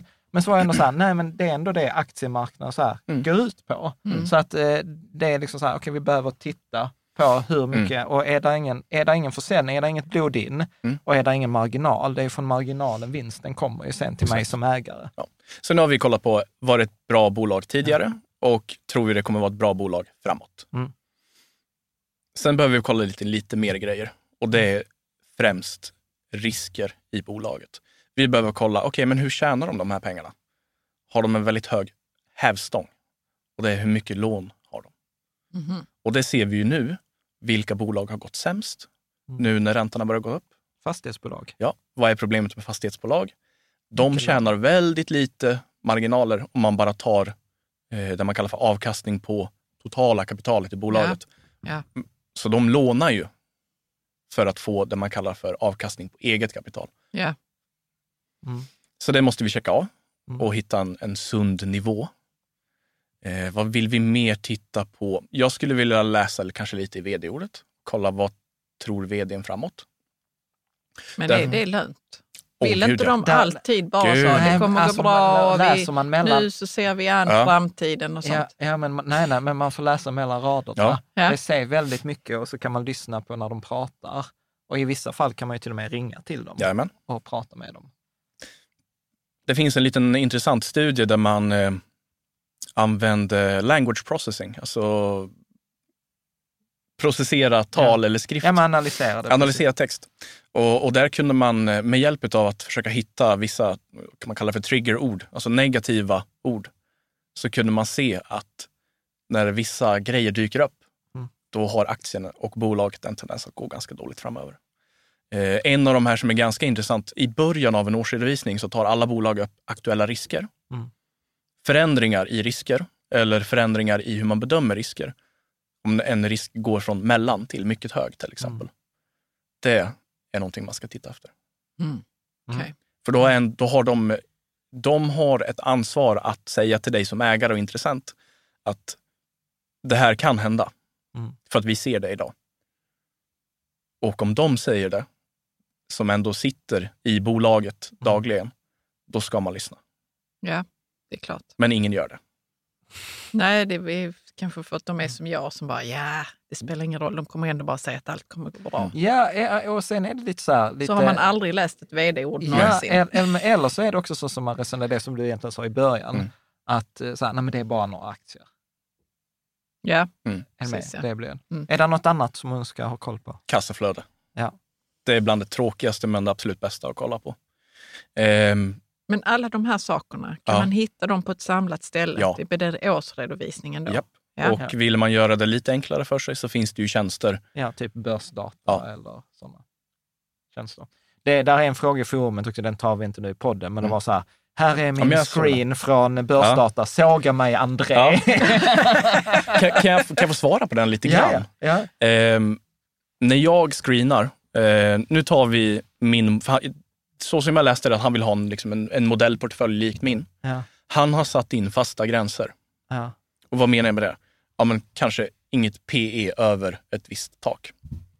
Vad är problemet med det? Jo, eh, säg att vi är i en marknad som vi är i nu. Marknaden är ganska pessimistisk och han har satt, ja men alla bolag som värderas under P8 är okej. Mm. Vad hjälper det om marknaden värderar snittaktien till P5? Mm. Ingenting. Mm. Så jag jobbar med mer relativa termer. Jag delar upp det i hinkar, så jag kanske plockar bort 70 procent dyraste Mm. av Okej. hela massan. Ja. Det tycker jag han ska göra istället. Mm. Ja, men det, det är ett bra, klokt val. Mm. Eh, bra. Och sen, och sen, och många av de här, alltså jag vet ju, du har ju typ läst alla böcker. Eh, eller väldigt många böcker. Men om du skulle säga så här, för någon som vill börja göra detta, liksom så här, träna inför man går och sätter sig vid det här bordet. Mm. Eh, är det Aswati Damodarans kurs Nej. man börjar med? Nej, för Nej. svårt, Okej. för komplicerat, för mycket att du ska titta på enskilda bolag. Jag skulle börja med någonting enklare, att börja med ett system. Ja. Till exempel Magic Formula och Ja. börja förstå, okej varför funkar det? Och sen efter det, om man börjar känna sig bekväm med någonting systematiskt, så kan man börja jobba med någonting mer aktivt. Ja. För att det är så mycket jobbigare. För att du lägger en egen värdering i bolaget och du kommer ha fel. Du kanske har rätt. Om vi tittar på min statistik till exempel. ehm, av mina bolag som jag har ägt, eller mina positioner, så säger jag att runt sju av tio har gått positivt och sex av tio har slagit index. Mm. Men vilka positioner tror du jag minns mest? Ja, de du har förlorat. de jag förlorat. Och då har jag åtminstone liksom ett, ett system. Så då är det så här, ja ja. Men när jag börjar att räkna själv på bolag Mm. och lägger fram case, Då, då, har ju- jag ju, då blir man ju känslomässigt du blir kopplad. känslomässigt investerad i det. Mm. Mm. Och det är bland det farligaste som finns, för då kan du inte släppa positionen. Mm. Nej, men det var det jag menar när, jag, när vi pratade om det där Mm. med att ha historia i sina, i sina innehav. Mm. Liksom. Så det handlar om att vara ganska iskall och disciplinerad. Mm. Tyvärr. Ja, men det, Ja. då är vi tillbaka på beteende. Mm. Alltså så, att, så, att, så att då är det ju ännu värre, tycker jag. När jag hör Mm, det, Mm.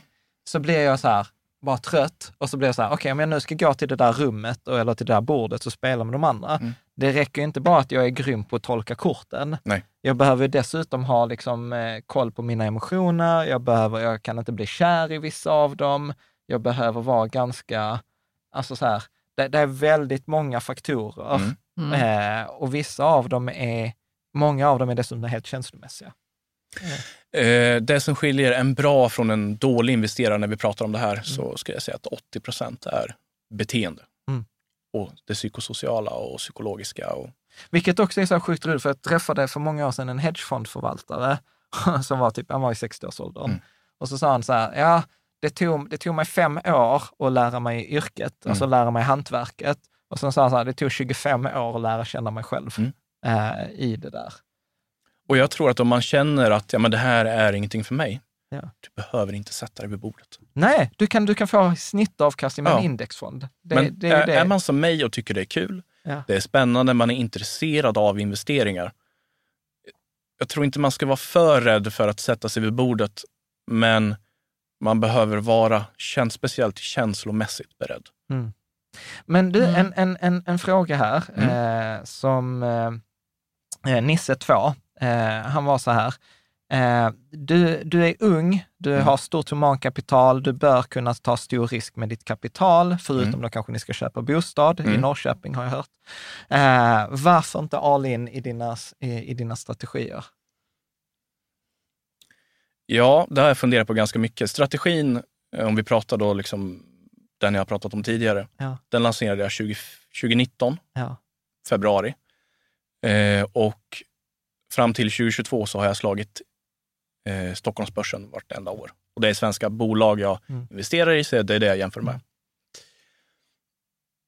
Jag, eh, jag ser inte riktigt att man kan göra så eller ens tänka så. Jag menar, om jag ska hårdra det då liksom och ta den tanken ännu vidare, varför investerar jag inte bara i ett bolag? Det absolut bästa bolaget. Mm. Det funkar inte så. Vi måste ha risktänk. Och då vill jag ha, som sagt, strategier som drar lite olika. När det ena går dåligt så går det andra bra. Ehm, jag gillar indexfonder för det är enkelt. Jag menar, säg sen när det är dags för mig att bilda familj och skaffa barn. Och då, då kanske jag inte kan lägga ner lika mycket energi. Mm. Då har jag ju liksom det här paketet färdigt. Alltså jag älskar, detta är inget, eh, ingen invändning, tror jag, utan jag tror detta är nyfiken, för jag är Mm. precis som du. Alltså man kan ju ha sin lekhink Ja. eh, och så här, vi köper champagneflaskor Ja. totalt irrationellt, men, Ja. men väldigt roligt.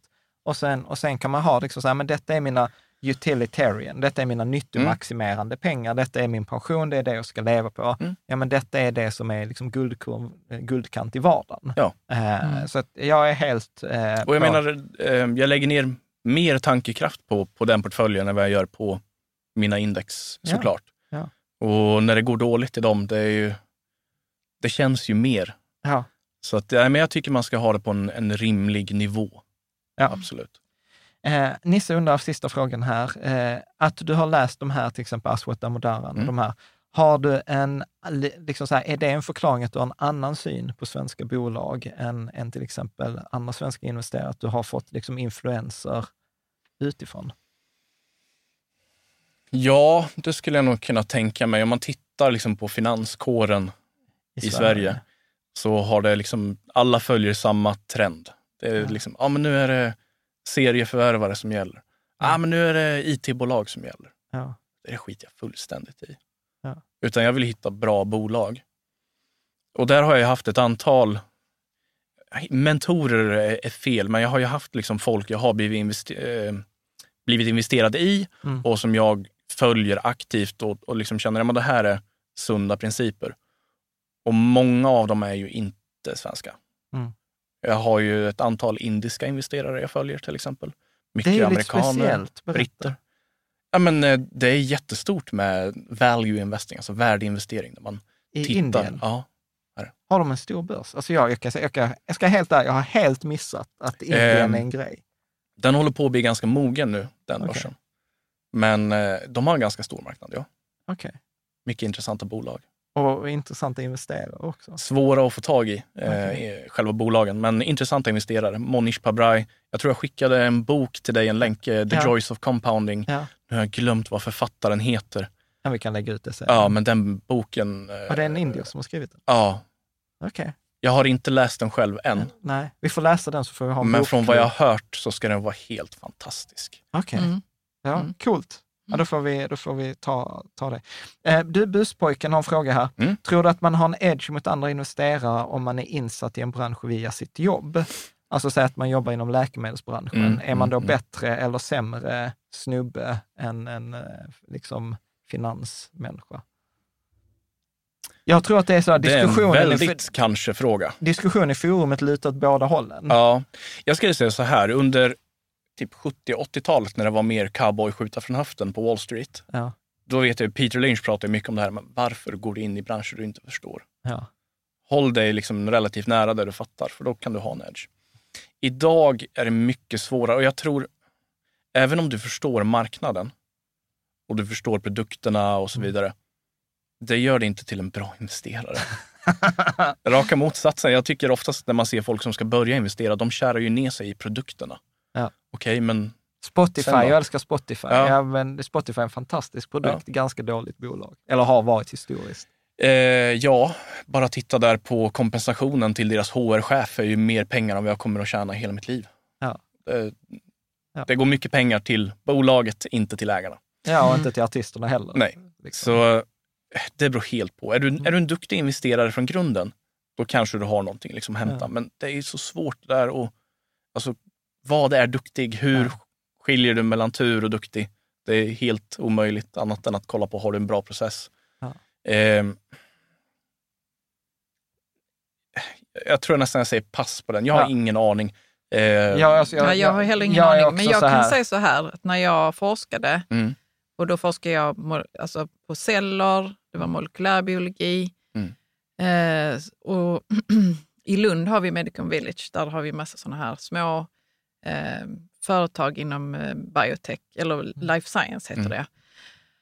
Och du vet, jag är så, jag skulle inte satt en krona i någon av dem. Nej. För att det är så jävla svårt Mm. eh, med forskning. Eh, och och liksom man måste ha jättemycket pengar för att kunna dra bra slutsatser kring en, en, eh, En, en molekyl man Mm. har som man tror är så anticancer. Alltså det är otroligt svårt att hitta rätt. Mm. Ja. Och man kan, det är så mycket slump inblandat och det måste vara jätteduktiga tekniker och så. Ja. Så jag, Ja, men jag tror- men jag tror- en krona. Nej, men jag tror det var JFB skrev forumet som skrev det också, så att det kan ju också vara att man överskattar, alltså man, man Absolut. För man sitter med det jävla problemet varje dag och Ja. så tycker man att det är större än vad det egentligen är. Så jag, Ja. tror, jag tror det slår åt båda hållen. Ja. Men det, jag tänker att vi ska eh, runda av. Eh, Mm. Så du har redan varit eh, inne på, på boktips. Men jag tänker så här, frågan som vi ställer till alla. Mm. Sämsta finansiella rådet?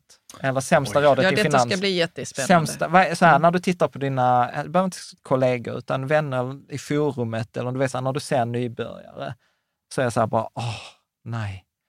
För mig är det så här, fan, myten om att om du bara lägger tid och engagemang så kommer du slå de som sitter vid bordet. Det, det är min. Ja, det är men alltså, sämsta. det är mitt det sämsta. det, det kan skapa en förutsättning för det, men långt ifrån en garanti. Ja. Långt ifrån. Ja. Eh, Det är väl inget tips, men om man tittar på vad småsparare gör när de köper bolag, så brukar jag se två olika grupper. Ja. Det ena det är de som går med i Aktiespararna Ja. och sen tänker de nu ska jag köpa stabila bolag och tänker att det här kommer jag liksom slå börsen med. Problemet där är att det oftast är väldigt överanalyserade bolag. De har en tendens att vara ganska dyra för att folk är villiga att betala för eh, den här stabiliteten och allt annat lika, vad händer då? Framtida avkastning sjunker. Sen har vi den andra gruppen och de är fan med värre. och där hittar du de som går in på Facebook och går in på aktieraketer. Ja. Och där har du liksom, det är bara skräpbolag. Det finns ingen historik, utan det är bara den här spännande storyn. Och det är liksom de här två lägren man ser hela tiden. Ja. Och jag förstår inte riktigt varför man istället... Vi har så, jag, nu ska vi se, jag tror vi har 1031 bolag i Sverige som vi kan handla. Men ändå så koncentrerar man sig liksom på de här två extremiteterna. Men det finns så mycket fina bolag i mitten. Mm. Och liksom att man inte bara kan börja, gör det ganska enkelt. Gör en checklista. Så här. Tjänar bolaget pengar? Mm. Är det nej, kasta bolaget åt sidan. Men det är det att man måste ta reda på saker själv då. Alltså Ja. Man måste göra ett arbete. Du måste göra man din måste egen analys. hitta den informationen och man undrar så, var finns den ens? Liksom? Och det kan jag tänka mig att det är ganska läskigt i början. Men när man har gjort det, jag skulle säga efter en, två gånger, så är det inte speciellt svårt. Mm. Inte idag. Nej. Men förlåt, vi ska, vi ska knyta an där Ja. på din typ checklista, för jag tyckte det var jättebra. Men då kommer här, det här kommer en frustration Mm. som jag haft. Jag vet att vi har haft uppe detta på Fiket tillsammans, men i korthet. Men där har jag ibland stört mig på folk, det är så här, för ett par år sedan, att- apropå att det går trender. Mm. Alltså det är så här, åh, nu är det compounders. Eller, Mm. Så var det ju liksom ett väldigt tydligt trend för ett par år sedan som var så här, utdelningsaktier.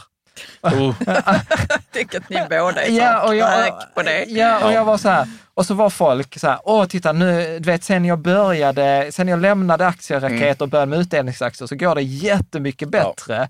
Och jag är bara så här, ja, för att liksom en implicit förutsättning för att ett företag ska kunna ge utdelning är att de måste gå med vinst. Ja. Så tricket är inte att utdelningsstrategi är mycket bättre, det är bara att du, du har börjat investera i lönsamma bolag. Alltså så, här, så att nummer ett är så här, går de med vinst? Ja. Men Eh, är det så alltid att om ett bolag går med vinst och har utdelning och sen om de inte skulle gå med vinst, då måste de fortsätta med sin utdelning? Nej, nej, man väljer Nej. ju själv om de vill men utdelning. många gör det ändå. Ja, många gör det ändå. Och det ska vi inte- det ska vi inte eh, ge oss min, in på. Min systers son eh, frågade om det och jag bara, ja fast det kan ju vara dåligt av olika Det finns anledningar. ju då. vissa, de sämsta bolagen har ju lånat Ja. för att ge ut utdelning. Det var det jag berättade för honom. Han bara, Mm. okej, ja, back away. Ja, men precis. Det är typ Ratos för många år Ja. sedan. eh, Och, Det kanske är ett extremt Och det- fall. liksom, nej. Inte. Nej, inte. inte. Nej. Vi har ett sätt. Jag har minst åtta bolag i huvudet som har gjort det i nytid, alltså i år.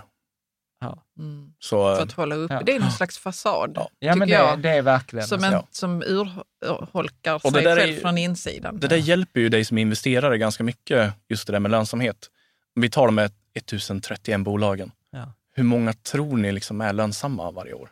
Alltså jag tror, om jag, om, jag, enskilt år. om jag ska Ingen gissa, nej jag har ingen aning, men jag ska Mm. gissa 30 procent. Jag skulle också Ja, gissat på det. Ja. Mm.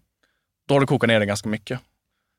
Sen tar vi ett steg till. Okej, vilka har, vi tar något eh, enkelt. Vilka har växt omsättningen?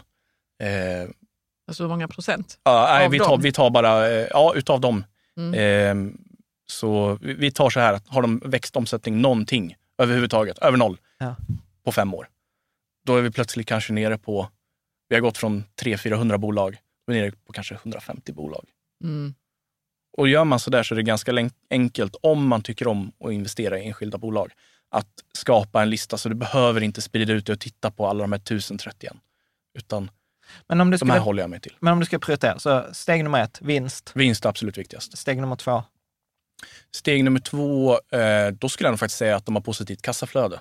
Ja. För det är så enkelt med att fuska. att fuska med bokföringen.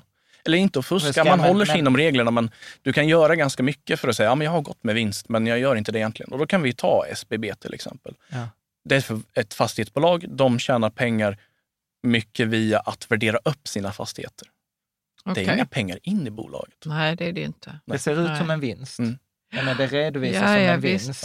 Ja. Men, men det är inga pengar som Nej. har kommit in till bolaget som kan delas ut Nej. till, till aktieägare. Så bara de två, då är vi nog nere på 200 bolag direkt. Mm. Skulle jag tro. Men då är där. det svenska bolag. Kan man göra det på globalt? Ja, Som också, det kanske är ännu bättre. Ja, det blir Ja. fler, det blir, Spridning, fler- tänker jag. ja, det blir fler bolag.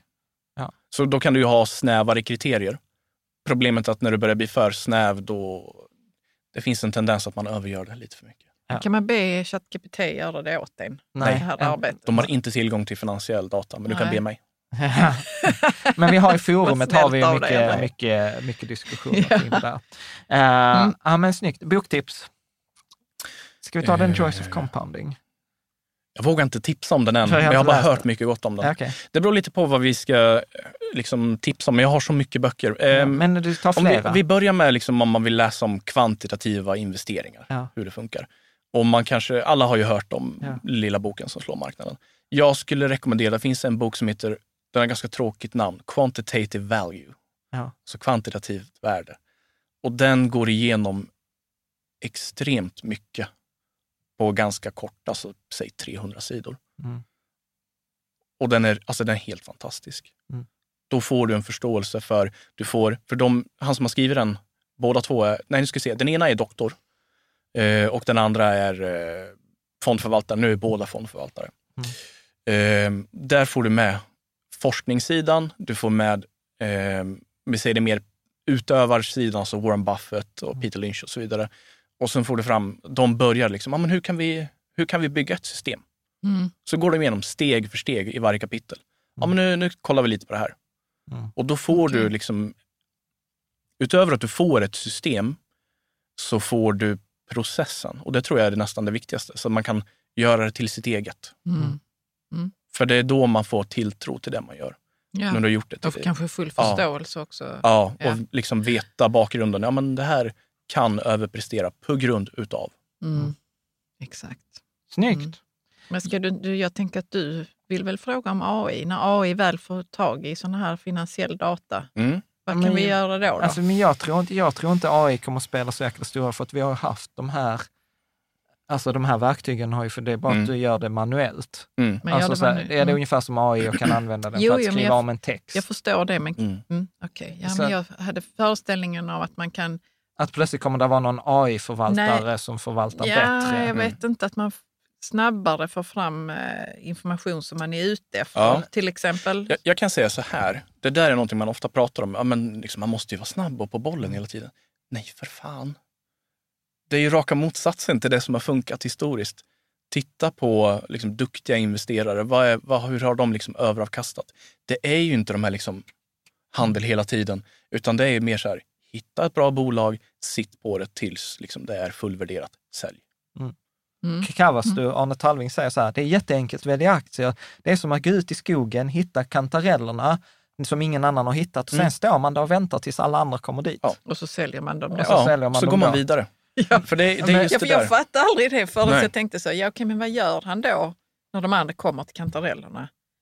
Ja, han måste ju säga så, det är mina kantareller du kan få köpa. Ja. Ja, Han skulle ju ha plockat upp dem redan då Ja, och suttit med dem i sin lilla portfölj. ja. Och sen säger han hej, vi tänkte Jag har lite kantareller här. slut. Ja, ja, ja Bara, precis. vadå? Ja.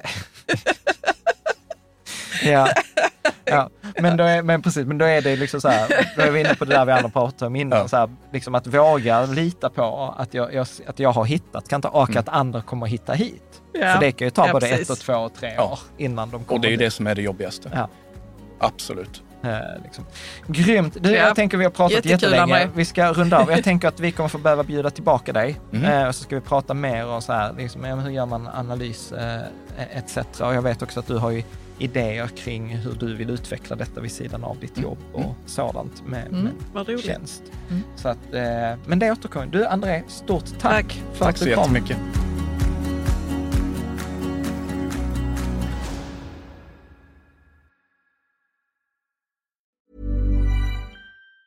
Mom deserves the best, and there's no better place to shop for Mother's Day than Whole Foods Market. They're your destination for unbeatable savings, from premium gifts to show-stopping flowers and irresistible desserts. Start by saving 33% with Prime on all body care and candles. Then get a 15-stem bunch of tulips for just $9.99 each with Prime. Round out Mom's menu with festive rosé, irresistible berry chantilly cake, and more special treats. Come celebrate Mother's Day at Whole Foods Market. Even on a budget, quality is non-negotiable. That's why Quince is the place to score high-end essentials at 50 to 80% less than similar brands. Get your hands on buttery soft cashmere sweaters from just 60 bucks, Italian leather jackets, and so much more. And the best part about Quince, they exclusively partner with factories committed to safe, ethical, and responsible manufacturing. Elevate your style without the elevated price tag with Quince. Go to quince.com slash upgrade for free shipping and 365-day returns. Mom deserves the best, and there's no better place to shop for Mother's Day than Whole Foods Market. They're your destination for unbeatable savings, from premium gifts to show-stopping flowers and irresistible desserts. Start by saving 33% with Prime on all body care and candles. Then get a 15-stem bunch of tulips for just $9.99 each with Prime. Round out Mom's menu with festive rosé, irresistible berry chantilly cake, and more special treats. Come celebrate Mother's Day at Whole Foods Market.